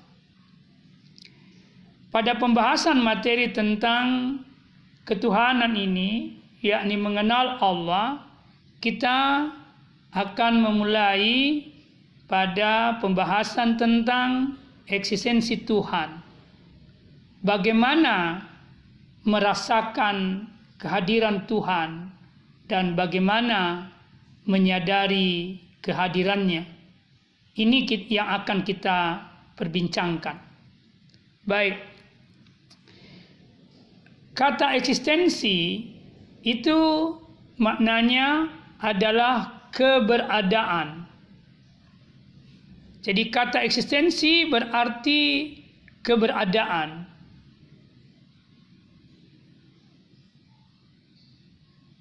Dalam pembahasan agama-agama atau bahkan dalam pembahasan para filosof materi tentang eksistensi Tuhan itu atau keberadaan Tuhan itu adalah sesuatu yang sifatnya aksiomatik atau sangat pasti dan jelas.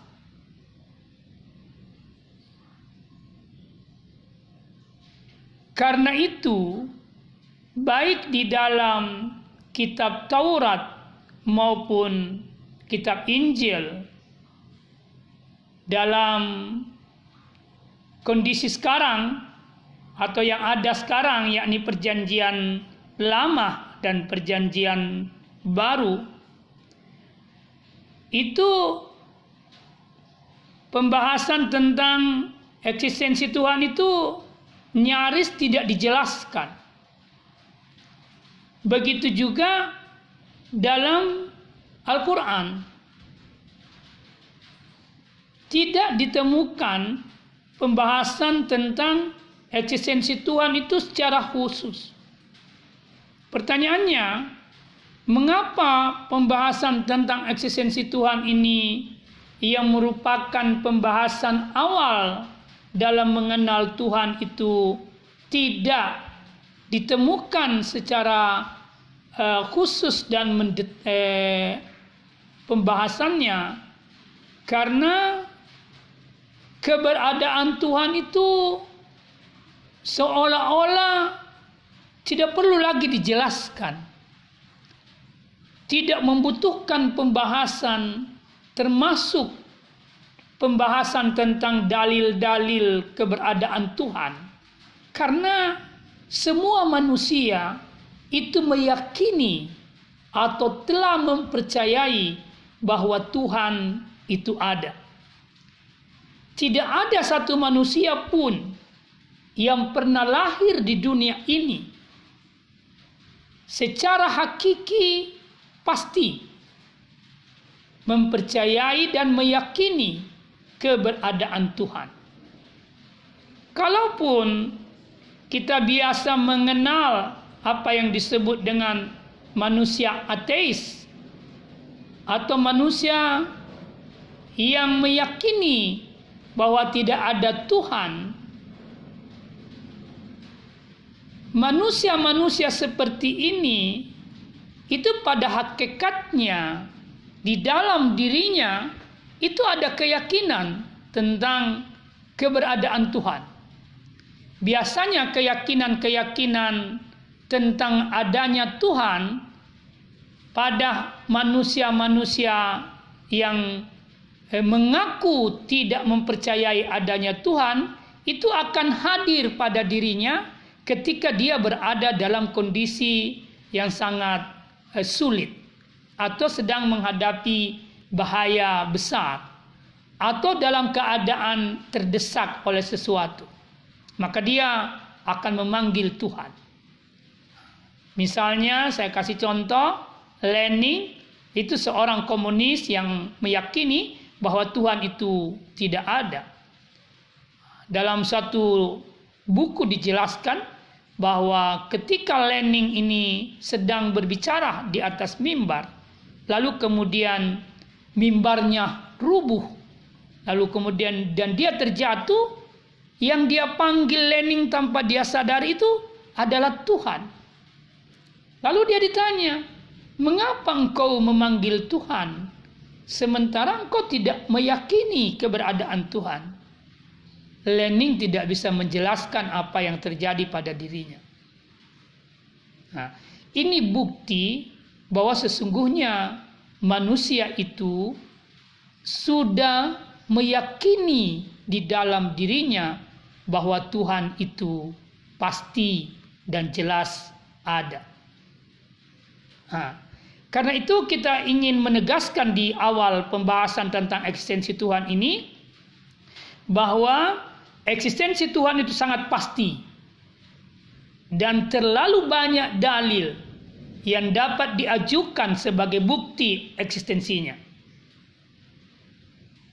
Sebanyak makhluk atau al-kaun atau ciptaan yang ada.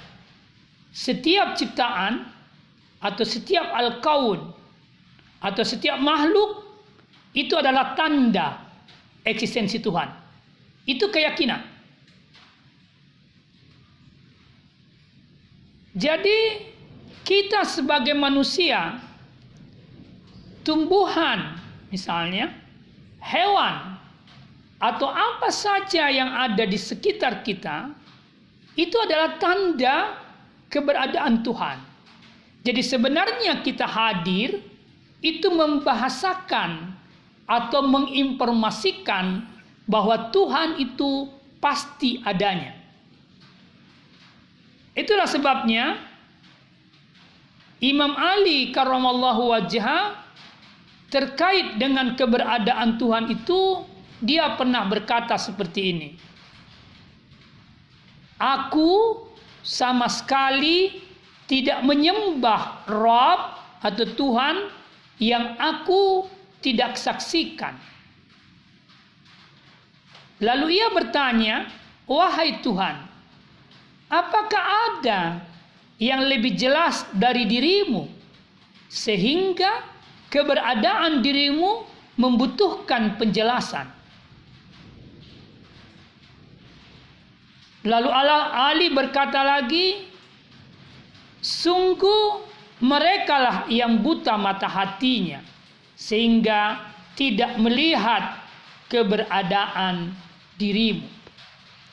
Pernyataan Imam Ali ini menggambarkan keyakinan yang sangat kuat, keyakinan yang powerful, hakul yakin ya, hakul yakin dan tidak ada di situ keraguan sedikit pun tentang keberadaan Tuhan yang dia sembah. Bahkan Imam Ali berkata, Tuhan yang aku sembah, aku saksikan. Aku tidak menyembah Tuhan yang aku tidak lihat, kata Imam Ali. Tentu yang dimaksud melihat di sini bukan melihat dengan mata kepala. Karena kita tidak mampu melihat Tuhan dengan mata kepala kita. Tetapi yang dimaksud oleh Imam Ali di sini adalah melihat dan menyadari dan menyaksikan Tuhan dengan mata hati. Itulah sebabnya dia berkata, bahwa sesungguhnya orang yang tidak menyadari keberadaanmu, tidak menyaksikan keberadaanmu, itu adalah orang yang mata hatinya sudah buta. Karena sesungguhnya dari semua yang ada, engkaulah yang memiliki keberadaan yang paling jelas, yang paling pasti, yang tidak mungkin bisa diragukan keberadaannya. Itu makna kalimat Imam Ali, "Wahai Tuhan, apakah ada yang lebih jelas dari dirimu sehingga keberadaan dirimu membutuhkan penjelasan?" Artinya, Saking jelasnya keberadaan Tuhan, dia tidak butuh penjelasan tentang keberadaannya. Saking jelasnya keberadaan Tuhan, dia tidak butuh dalil-dalil untuk meyakinkan keberadaan Tuhan. Karena memang dia sudah meyakinkan keberadaannya, tidak perlu lagi dalil. Hanya sekali lagi saya ulang, hanya orang-orang yang mata hatinya buta, yang tidak bisa melihat keberadaan Tuhan yang sangat jelas, yang sangat tampak, yang sangat meyakinkan. Saya kasih contoh bahwa orang yang tidak meyakini keberadaan Tuhan itu bukan Tuhannya yang tidak tampak, tetapi mata hati orang itu yang buta sampai tidak melihat yang tampak. Contohnya, misalnya HP Ananda yang ada di depan Anda, bahkan yang Anda yang ada laptop Anda yang ada di hadapan Anda, itu jelas ada. Anda taruh di meja. Lalu kemudian Ananda tutup mata Anda dan Anda tidak melihat laptop itu. Jadi bukan laptop itu yang tidak ada di hadapan Anda, tetapi mata Anda yang buta sehingga tidak bisa melihat keberadaan laptop. Seperti itu permisalannya Allah sebagai Tuhan pencipta. Allah itu ada sebagai Tuhan pencipta dan nyata dengan sejelas-jelasnya bagi orang-orang yang mata hatinya berfungsi tetapi bagi orang-orang yang mata hatinya buta, keberadaan Tuhan tidak pernah dia rasakan, tidak pernah dia sadari, dan tidak pernah dia mengakui dan meyakini bahwa Tuhan itu ada. Bahkan sebaliknya, dia menolak keyakinan bahwa Tuhan itu ada. Nah.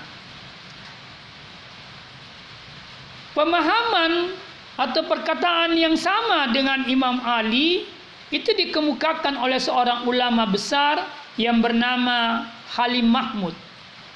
Dia berkata bahwa pembahasan tentang eksistensi Tuhan itu tidak lagi dijelaskan secara jelimet atau tidak lagi dijelaskan secara khusus baik di dalam kitab Taurat maupun di dalam kitab Injil dalam bentuknya yang sekarang yakni perjanjian lama dan perjanjian baru dan bahkan Al-Qur'an pun itu tidak kita menemukan pembahasan khusus tentang eksistensi Tuhan. Mengapa? Karena seperti yang saya sudah jelaskan tadi bahwa eksistensi Tuhan itu sesuatu yang bersifat aksiomatik, tidak perlu lagi diragukan, bahkan tidak membutuhkan dalil-dalil pembuktian. Al-Jaberi itu juga pernah mengatakan seperti itu. Dia mengatakan bahwa di masa Plato, orang Yunani atau bangsa Yunani itu menjadi pusat pembuktian berkenaan dengan eksistensi Tuhan dan argumentasi-argumentasinya. Ini merupakan hal baru atau hal yang pertama kali di dunia barat. Di mana orang berusaha untuk menyelidiki tentang ihwal Tuhan mereka. Tapi kata Arbery itu bahwa tidak bahkan tapi tidak ada satupun penulis dari penulis perjanjian lama pernah membahas tentang eksistensi Tuhan sebagai masalah yang pelik, yang susah. Bahkan dia katakan di perjanjian baru pun begitu. Nah, apa yang dikatakan oleh Arjaberi ini itu membuktikan lagi bahwa manusia seperti Arjaberi itu meyakini tentang eksistensi Tuhan dan dia tidak membutuhkan pembahasan yang jelimet gitu. Ah, mungkin muncul pertanyaan, kalau begitu jelasnya keberadaan Tuhan, lalu mengapa ada manusia yang tidak meyakini keberadaan Tuhan atau meyakini bahwa Tuhan itu tidak ada seperti manusia ateis yang kita sebutkan di awal. Kalau kita mencari jawab terkait pertanyaan ini, maka Al-Quran memberikan isyarat ya tentang manusia yang menjadi penolak eksistensi Tuhan atau manusia yang meyakini bahwa Tuhan itu tidak ada. Itu dijelaskan di dalam surah Al-Jaziyah ayat 24. Allah berfirman, "Wa qalu ma hiya illa hayatuna dunya." Mereka yang mengingkari atau menolak dan tidak meyakini eksistensi Tuhan itu berkata, "Ma hiya illa hayatuna dunya." Bahwa kehidupan ini tidak lain hanyalah kehidupan di dunia saja. Namutu wa nahya kita mati dan kita hidup. Wa ma yuhlikuna illa. Tidak ada yang membinasakan kita selain masa. Nah, jadi orang-orang yang meyakini ketiadaan Tuhan, dia hanya menganggap realitas kehidupan yang dia jalani dan dia juga meyakini bahwa dia akan merasakan apa yang disebut kematian tetapi dia berkata bahwa semua itu hanya terkait dengan ad-dakhar. Hanya masa yang akan membinasakan kita, bukan Tuhan. Al-Quran ketika merespon atau memberi jawab terhadap cara pandang seperti ini tentang kehidupan dan kematian, dia menegaskan atau Allah menegaskan di akhir ayat 24 ini dengan mengatakan wa ma lahum bidzalik min ilm in huwa illa yadunnun apa yang mereka yakini? Apa yang mereka akui bahwa Tuhan itu tidak ada sesungguhnya kata Al-Qur'an tidak berdasar pengetahuan tetapi hanya dilandaskan pada dugaan-dugaan saja. Berdasarkan keterangan ayat ini kita bisa berkata bahwa keyakinan seorang manusia bahwa Tuhan itu tidak ada itu tidak rasional. Tidak bisa diterima oleh akal. dia hanya dugaan-dugaan yang tidak berdasarkan pengetahuan. Sebaliknya, kita berkata bahwa keyakinan tentang keberadaan Tuhan itu sangat rasional. Dia bisa dibuktikan dengan berbagai macam dalil. Ya, nah, pertanyaannya, kenapa kita mengatakan bahwa orang yang meyakini ketiadaan Tuhan itu adalah tidak rasional atau tertolak oleh akal? Karena sesungguhnya tidak ada yang paling sulit dihadapi untuk dibuktikan kebenarannya kecuali keyakinan akan sesuatu yang tidak ada. Termasuk keyakinan bahwa Tuhan itu tidak ada. Kalau orang ateis ditanya, apa buktinya? Apa dasarmu? Apa dalilmu bahwa Tuhan itu tidak ada? Coba buktikan. Maka dia sangat sulit untuk bisa membuktikannya. Mengapa? Karena sesuatu yang tidak ada sulit dibuktikan ketiadaannya. Bagaimana bisa membuktikan sesuatu yang tidak ada? Yang bisa yang bisa dibuktikan hanyalah sesuatu yang ada. Itulah sebabnya Quran mengatakan bahwa orang yang punya keyakinan bahwa Tuhan itu tidak ada, itu hanya dilandasi oleh dugaan tidak rasional, tidak ilmiah, tidak bisa masuk di akal. Karena dia tidak bisa dijangkau oleh akal, dibuktikan oleh akal ketiadaannya. Maka sesungguhnya sekali lagi keyakinan seperti itu hanyalah dugaan. Nah, kalau kita hubungkan tadi bahwa seluruh manusia memiliki kesadaran akan ketuhanan, maka orang ateis itu menyimpang dari fitrah kesadarannya tentang keberadaan Tuhan. Ya, nah, mari kita coba lebih jauh menguji eh, tentang keyakinan orang-orang yang mengakui bahwa Tuhan itu tidak ada. Misalnya diisyaratkan oleh Al-Quran di dalam ayat surah At-Tur ayat 35 sampai 36. Di situ Allah bertanya, Am huliku min gairi syai. Apakah mereka atau manusia itu khususnya yang menolak keberadaan Tuhan itu dicipta tanpa sesuatu. Ini pertanyaan pertama.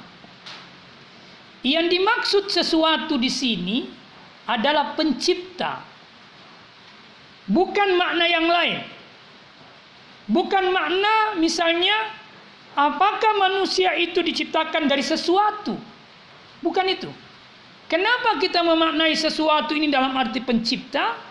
Karena pertanyaan yang menyusul pertanyaan-pertanyaan pertama ini Al-Quran berkata amhumul khalikun ataukah mereka yang menciptakan dirinya sendiri.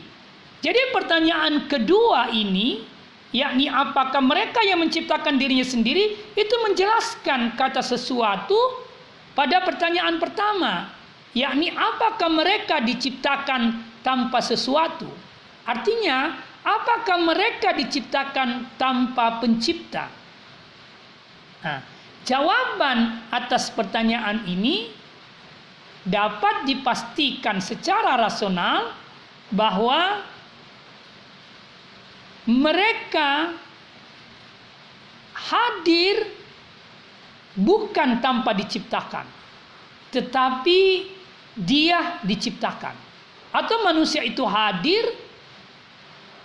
ada karena diadakan dan diciptakan. Maka pertanyaan apakah mereka diciptakan tanpa sesuatu atau tanpa pencipta? Jawabannya tidak. Negasi. Dengan kata lain, manusia dan seluruh apa yang ada yang tadinya tidak ada lalu kemudian menjadi ada karena dicipta itu dicipta oleh pencipta, bukan tanpa pencipta. Nah, pertanyaan kedua itu juga jawabnya negasi. Jadi ketika ditanya apakah mereka menciptakan dirinya sendiri, maka logika pasti menjawab tidak. Tidak mungkin sesuatu yang ada yang tadinya tidak ada lalu kemudian menjadi ada dengan dirinya sendiri. Ya. Yang bisa menjadi ada dengan dirinya sendiri hanyalah sesuatu yang tidak pernah tidak ada. Saya ulang, yang bisa ada dengan dirinya sendiri hanyalah sesuatu yang tidak pernah tidak ada. Siapa yang tidak pernah tidak ada? Sang Maha Pencipta, Tuhan. Jadi Tuhan itu ada dengan dirinya sendiri dan dia tidak pernah diadakan dan dicipta karena memang dia adalah tidak pernah tidak ada. Wal awal wal akhir. Dia ada sejak awal dan dia tidak pernah berakhir. Ini.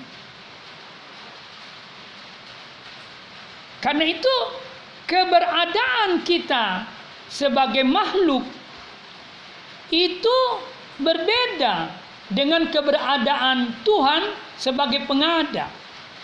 Keberadaan kita sebagai yang diadakan atau yang dicipta itu pernah tidak ada, lalu dia diadakan. Nah, sebaliknya Allah sebagai pengada keberadaannya itu mutlak tidak pernah tidak ada. Dia senantiasa ada. Ini. Itu yang membedakan antara keberadaan kita dengan keberadaan Tuhan. Nah, karena itu kalau kita kembangkan lebih jauh, maka keberadaan yang tidak pernah tidak ada itu menjadi sebab atau menjadi sumber keberadaan sesuatu yang pernah tidak ada atau sesuatu yang diadakan atau yang diciptakan. Karena itu kita bisa berkata keberadaan makhluk tergantung kepada keberadaan pencipta yang tidak pernah tidak ada. Sebaliknya, keberadaan pencipta tidak sama sekali bergantung pada keberadaan ciptaannya. Kita kembali ke ayat ini tadi. Jadi ketika orang yang mengaku dirinya eh, Tuhan itu tidak ada ketika dia ditanya apakah dirinya sendiri yang menciptakan dirinya maka secara rasional itu tidak mungkin dia bisa jawab iya. Pasti jawabannya tidak. Apalagi kalau dia ditanya am halakus samawati wal ard? Ataukah mereka yang menciptakan langit dan bumi? Maka jawabnya juga pasti tidak. Bagaimana manusia bisa menciptakan langit dan bumi sementara langit dan bumi lebih dahulu ada dibanding dirinya sebagai manusia yang meyakini bahwa Tuhan itu tidak ada? Tidak mungkin. Nah, dengan tiga pertanyaan yang jawabannya negasi atau jawabannya tidak, maka Quran menegaskan di akhir ayat itu balla yukinun sebenarnya mereka itu tidak pernah yakin dengan apa yang mereka katakan atau apa yang mereka yakini bahwa Tuhan itu tidak ada. Jadi ayat ini sesungguhnya mengajak kita untuk menggunakan pikiran kita terkait dengan keyakinan sebagian atau sedikit sekali orang yang mengatakan bahwa Tuhan itu tidak ada. Pertanyaan-pertanyaan ini akan berujung pada penolakan terhadap keyakinan bahwa Tuhan itu tidak ada. Nah, dari sekian penjelasan yang kita kemukakan dapat kita meyakini atau berkesimpulan bahwa keyakinan yang benar terkait dengan eksistensi Tuhan adalah keyakinan yang menegaskan seyakin-yakinnya bahwa Tuhan itu ada dan menolak keyakinan bahwa Tuhan itu tidak ada. Itu kesimpulannya. Untuk menguatkan kesimpulan ini, kita bisa mendalaminya secara inheren dalam diri manusia dengan menyatakan bahwa keyakinan tentang keberadaan Tuhan itu sebenarnya sudah inheren dalam diri manusia sudah menjadi inti manusia. Inilah bukti yang paling kuat bahwa keyakinan akan keberadaan Tuhan itu adalah kebenaran yang tidak bisa diragukan sedikit pun. Ini yang kemudian disebut dengan istilah fitrah, yakni bawaan alami manusia terkait dengan Tuhan. Bahwa pengetahuan tentang Tuhan adalah pengetahuan huduri, pengetahuan yang datang kepada manusia secara fitrawi, secara alami. Nah, pertanyaannya sekarang, Bagaimana kita bisa memahami kata fitrah atau alami terkait dengan keberadaan Tuhan atau keyakinan tentang keberadaan Tuhan. Ada tiga makna yang tercakup dalam kata fitrah terkait dengan keyakinan yang pasti tentang keberadaan Tuhan. Makna pertama adalah bahwa yang dimaksud fitrah adalah adanya keinginan bawaan manusia untuk mengenal dan mencari Tuhan. Jadi dalam diri manusia ada keinginan kuat yang sejak awal sudah ada pada diri manusia untuk mencari dan mengenal Tuhan. Dan itu sudah dibuktikan oleh sejarah ya bahwa seluruh manusia tanpa kecuali apa pun sukunya, apa pun bangsa dan negerinya di mana pun ia bermukim. Apa dia berpendidikan tinggi atau tidak? Apa dia memiliki status sosial yang tinggi atau rendah? Mereka semua senantiasa dalam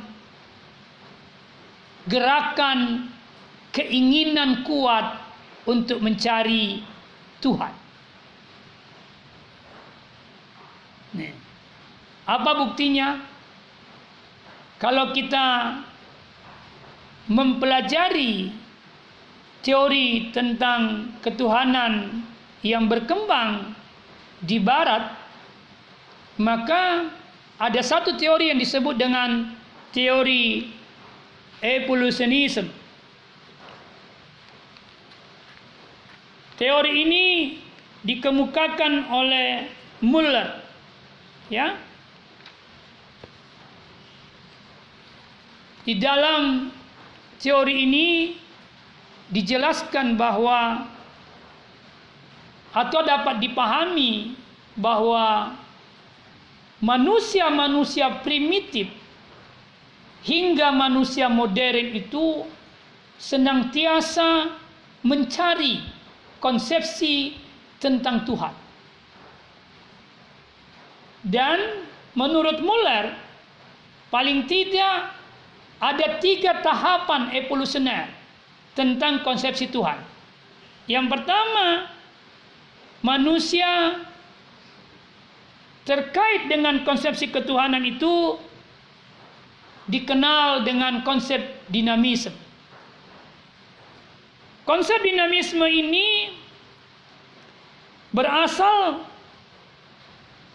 atau diyakini oleh manusia primitif di mana dia mengatakan bahwa pada setiap benda ada kekuatan yang sangat dahsyat.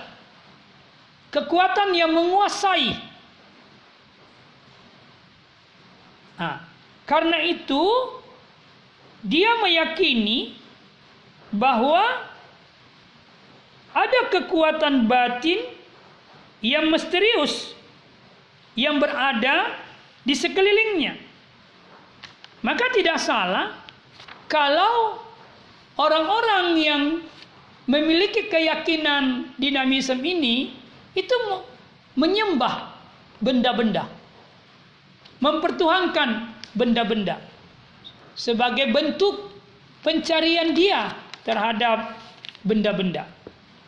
Oleh sebab itu, kekuatan batin ini dikenal dalam banyak bahasa berdasarkan banyaknya negeri atau wilayah atau orang yang mencari tentang Tuhan. Misalnya saja orang Jepang itu menamai Tuhan mereka dengan kami. Orang India menamai Tuhan mereka dengan hari atau sakti. Sebagian orang Pygmy di Afrika menamai Tuhan mereka dengan Ouda. Orang India, Amerika menamai Tuhan mereka dengan Wakan atau Orenda atau Maniti. Dan banyak lagi bangsa-bangsa lain yang memiliki konsep tentang nama-nama Tuhan mereka. Ini membuktikan ananda sekalian bahwa sejak manusia yang budayanya masih rendah itu meyakini tentang adanya Tuhan. Buktinya mereka punya nama-nama yang disandarkan sebagai nama-nama Tuhan.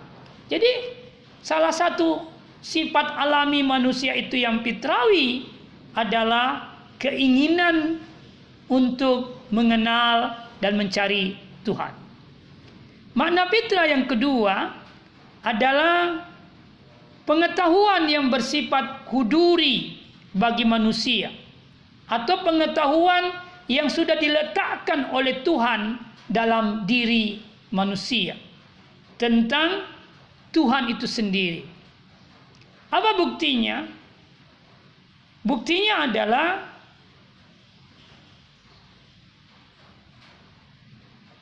bahwa pengetahuan tentang Tuhan yang diyakini oleh manusia itu tidak membutuh, tidak membutuhkan pikiran yang dalam untuk mengakuinya. Tidak membutuhkan pikiran yang jelimet untuk meyakininya. Tapi kayak pengetahuan itu seperti yang saya jelaskan tadi, itu bisa diterima tanpa pemikiran, bahkan tanpa pembuktian sekalipun. Kenapa? Karena memang dia sangat alami dalam diri manusia. Itu makna fitrah yang kedua. Makna fitrah yang ketiga adalah terkait dengan Tuhan ini adalah pengetahuan tentang Tuhan yang bersifat intuitif bagi manusia. Apa yang dimaksud dengan intuitif? Artinya manusia itu atau hati manusia itu memiliki relasi atau keterkaitan yang kuat dan mendalam dengan penciptanya. Apa buktinya? Seperti saya sudah jelaskan tadi bahwa ketika manusia berada dalam situasi yang sangat sulit dan berbahaya dan dia sudah meyakini tidak ada lagi yang bisa menolongnya, maka yang dia akan panggil adalah Tuhan. Ya, Makna ini sangat indah dijelaskan di dalam Al-Qur'an. Al-Qur'an menegaskan ya di dalam surah Al-Isra ya. Di dalam surah Al-Isra ayat 67. Surah Al-Isra ayat 67. Itu dijelaskan bahwa apabila manusia ditimpa oleh musibah, ditimpa oleh bahaya di laut, ya, maka niscaya semua yang biasa dia seru itu menjadi hilang. Semua yang biasa dia seru, dia panggil itu menjadi hilang. Kecuali Tuhan yang menciptakannya, yang dia seru. Jadi ayat ini mengatakan kalau manusia itu berada dalam situasi yang sangat sulit, maka yang ada di pikirannya hanyalah Tuhan. Yang ada di hatinya adalah Tuhan yang bisa menolongnya. Ini membuktikan bahwa secara intuitif manusia itu selalu berhubungan dengan Tuhan. Lalu kenapa keyakin apa kekuatan intuisi ini menjadi tidak fungsional dalam kehidupan orang-orang yang meyakini tiada Tuhan? Nah, itu masalah yang banyak faktor yang bisa menyebabkannya. Dan itu akan kita jelaskan kemudian. Nah, makna fitrah yang keempat yang disebut dengan spiritualitas, yakni bahwa manusia secara alami itu butuh penyembahan kepada Tuhan. Butuh Tuhan untuk dia puja dan dia sembah. Einstein, William James, Bergson, Bergson dan ilmuwan-ilmuwan yang lain itu meyakini dan pernah berkata bahwa manusia tidak mungkin mampu melepaskan diri dari spiritualitas atau penyembahan kepada Tuhan. Itu empat makna yang terkait dengan fitrah manusia tentang Tuhan. Untuk memperjelasnya, Ananda bisa buka ayat yang terkait dengan fitrah alami manusia tentang keyakinannya terhadap Tuhan bahwa keyakinan itu sudah diletakkan oleh Allah di dalam diri manusia sejak dia masih dalam alam arwah. Di ayat 172 surah Al-A'raf Allah berfirman A'udzu billahi minasyaitonir rajim Wa id ahasa rabbuka min bani Adam min zuhurihim surriyatahum dan ketika Dan ingatlah ketika Tuhanmu ya mengeluarkan keturunan anak Adam dari sulbi mereka. Apa yang terjadi? Wa ashadahum ala anfusihim. Allah mengambil kesaksian terhadap jiwa mereka. Seraya Allah berfirman, Alastu bi rabbikum?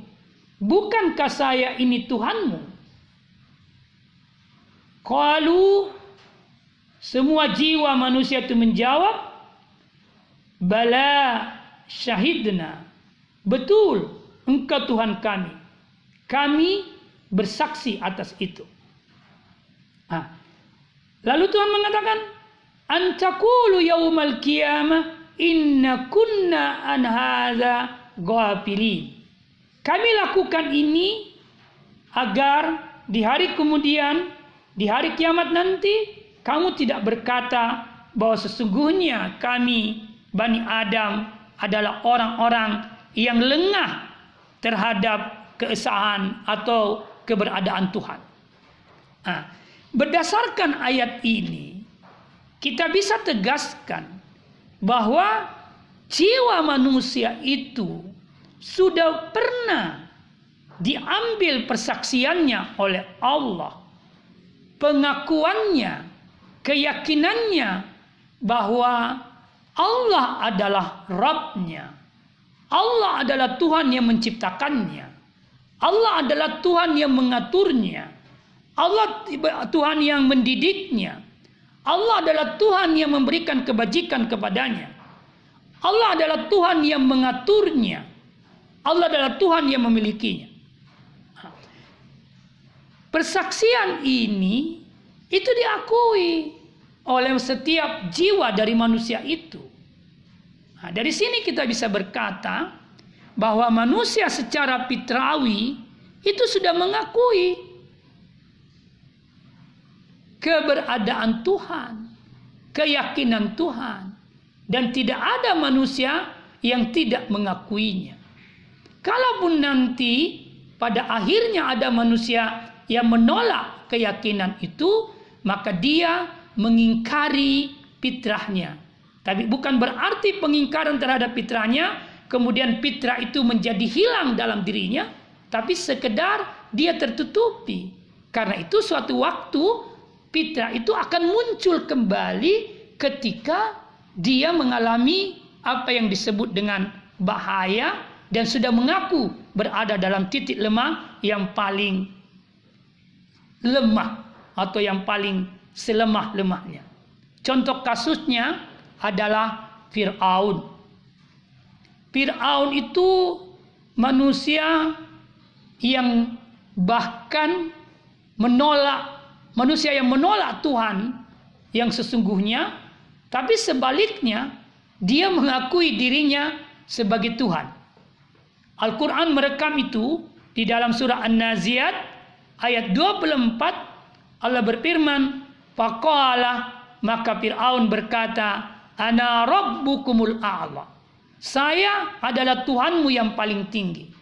Ini Firaun katakan kepada masyarakat Bani Israel, masyarakat Mesir yang dia pimpin. Dia merasa bahwa dia sesungguhnya penguasa mereka. Dia sesungguhnya Rab mereka. Nah, tetapi ketika Fir'aun berada dalam suasana yang sangat menakutkan dirinya atau berada pada suasana yang sangat genting yakni ketika dia mengalami musibah akan tenggelam di laut merah itu digambarkan di dalam Al-Quran surah 10, 10 ayat 91 Allah berfirman Wajawasna bi bani Israel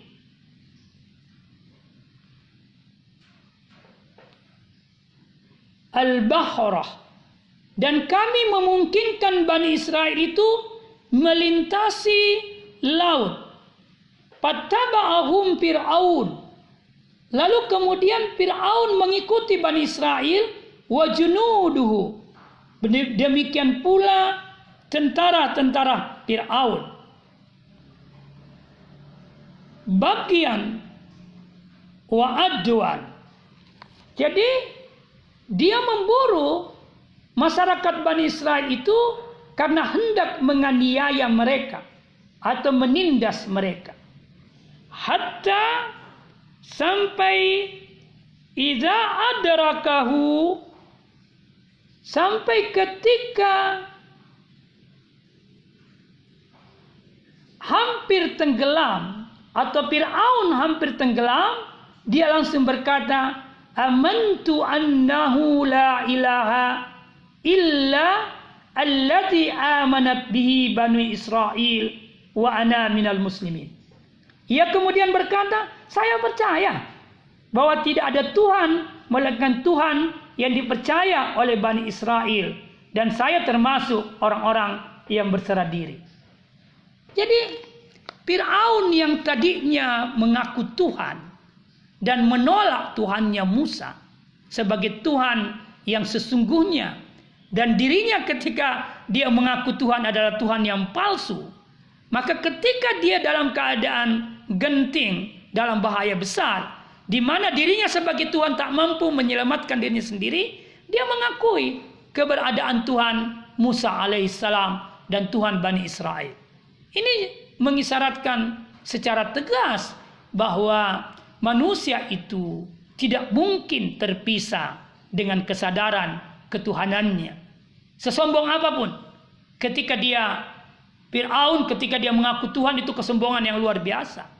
Tapi ketika dia sudah berada pada situasi yang dia sendiri tidak mampu menyelamatkan dirinya sendiri, maka dia mengakui ketuhanannya Bani Israel. Ketuhanan Allah sebagai Tuhan Bani Israel. Dan juga Tuhannya Fir'aun.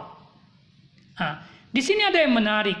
Sebenarnya ketika Fir'aun juga mengaku sebagai Tuhan, maka itu mengisyaratkan makna bahwa Fir'aun sebagai manusia meyakini tentang Tuhan.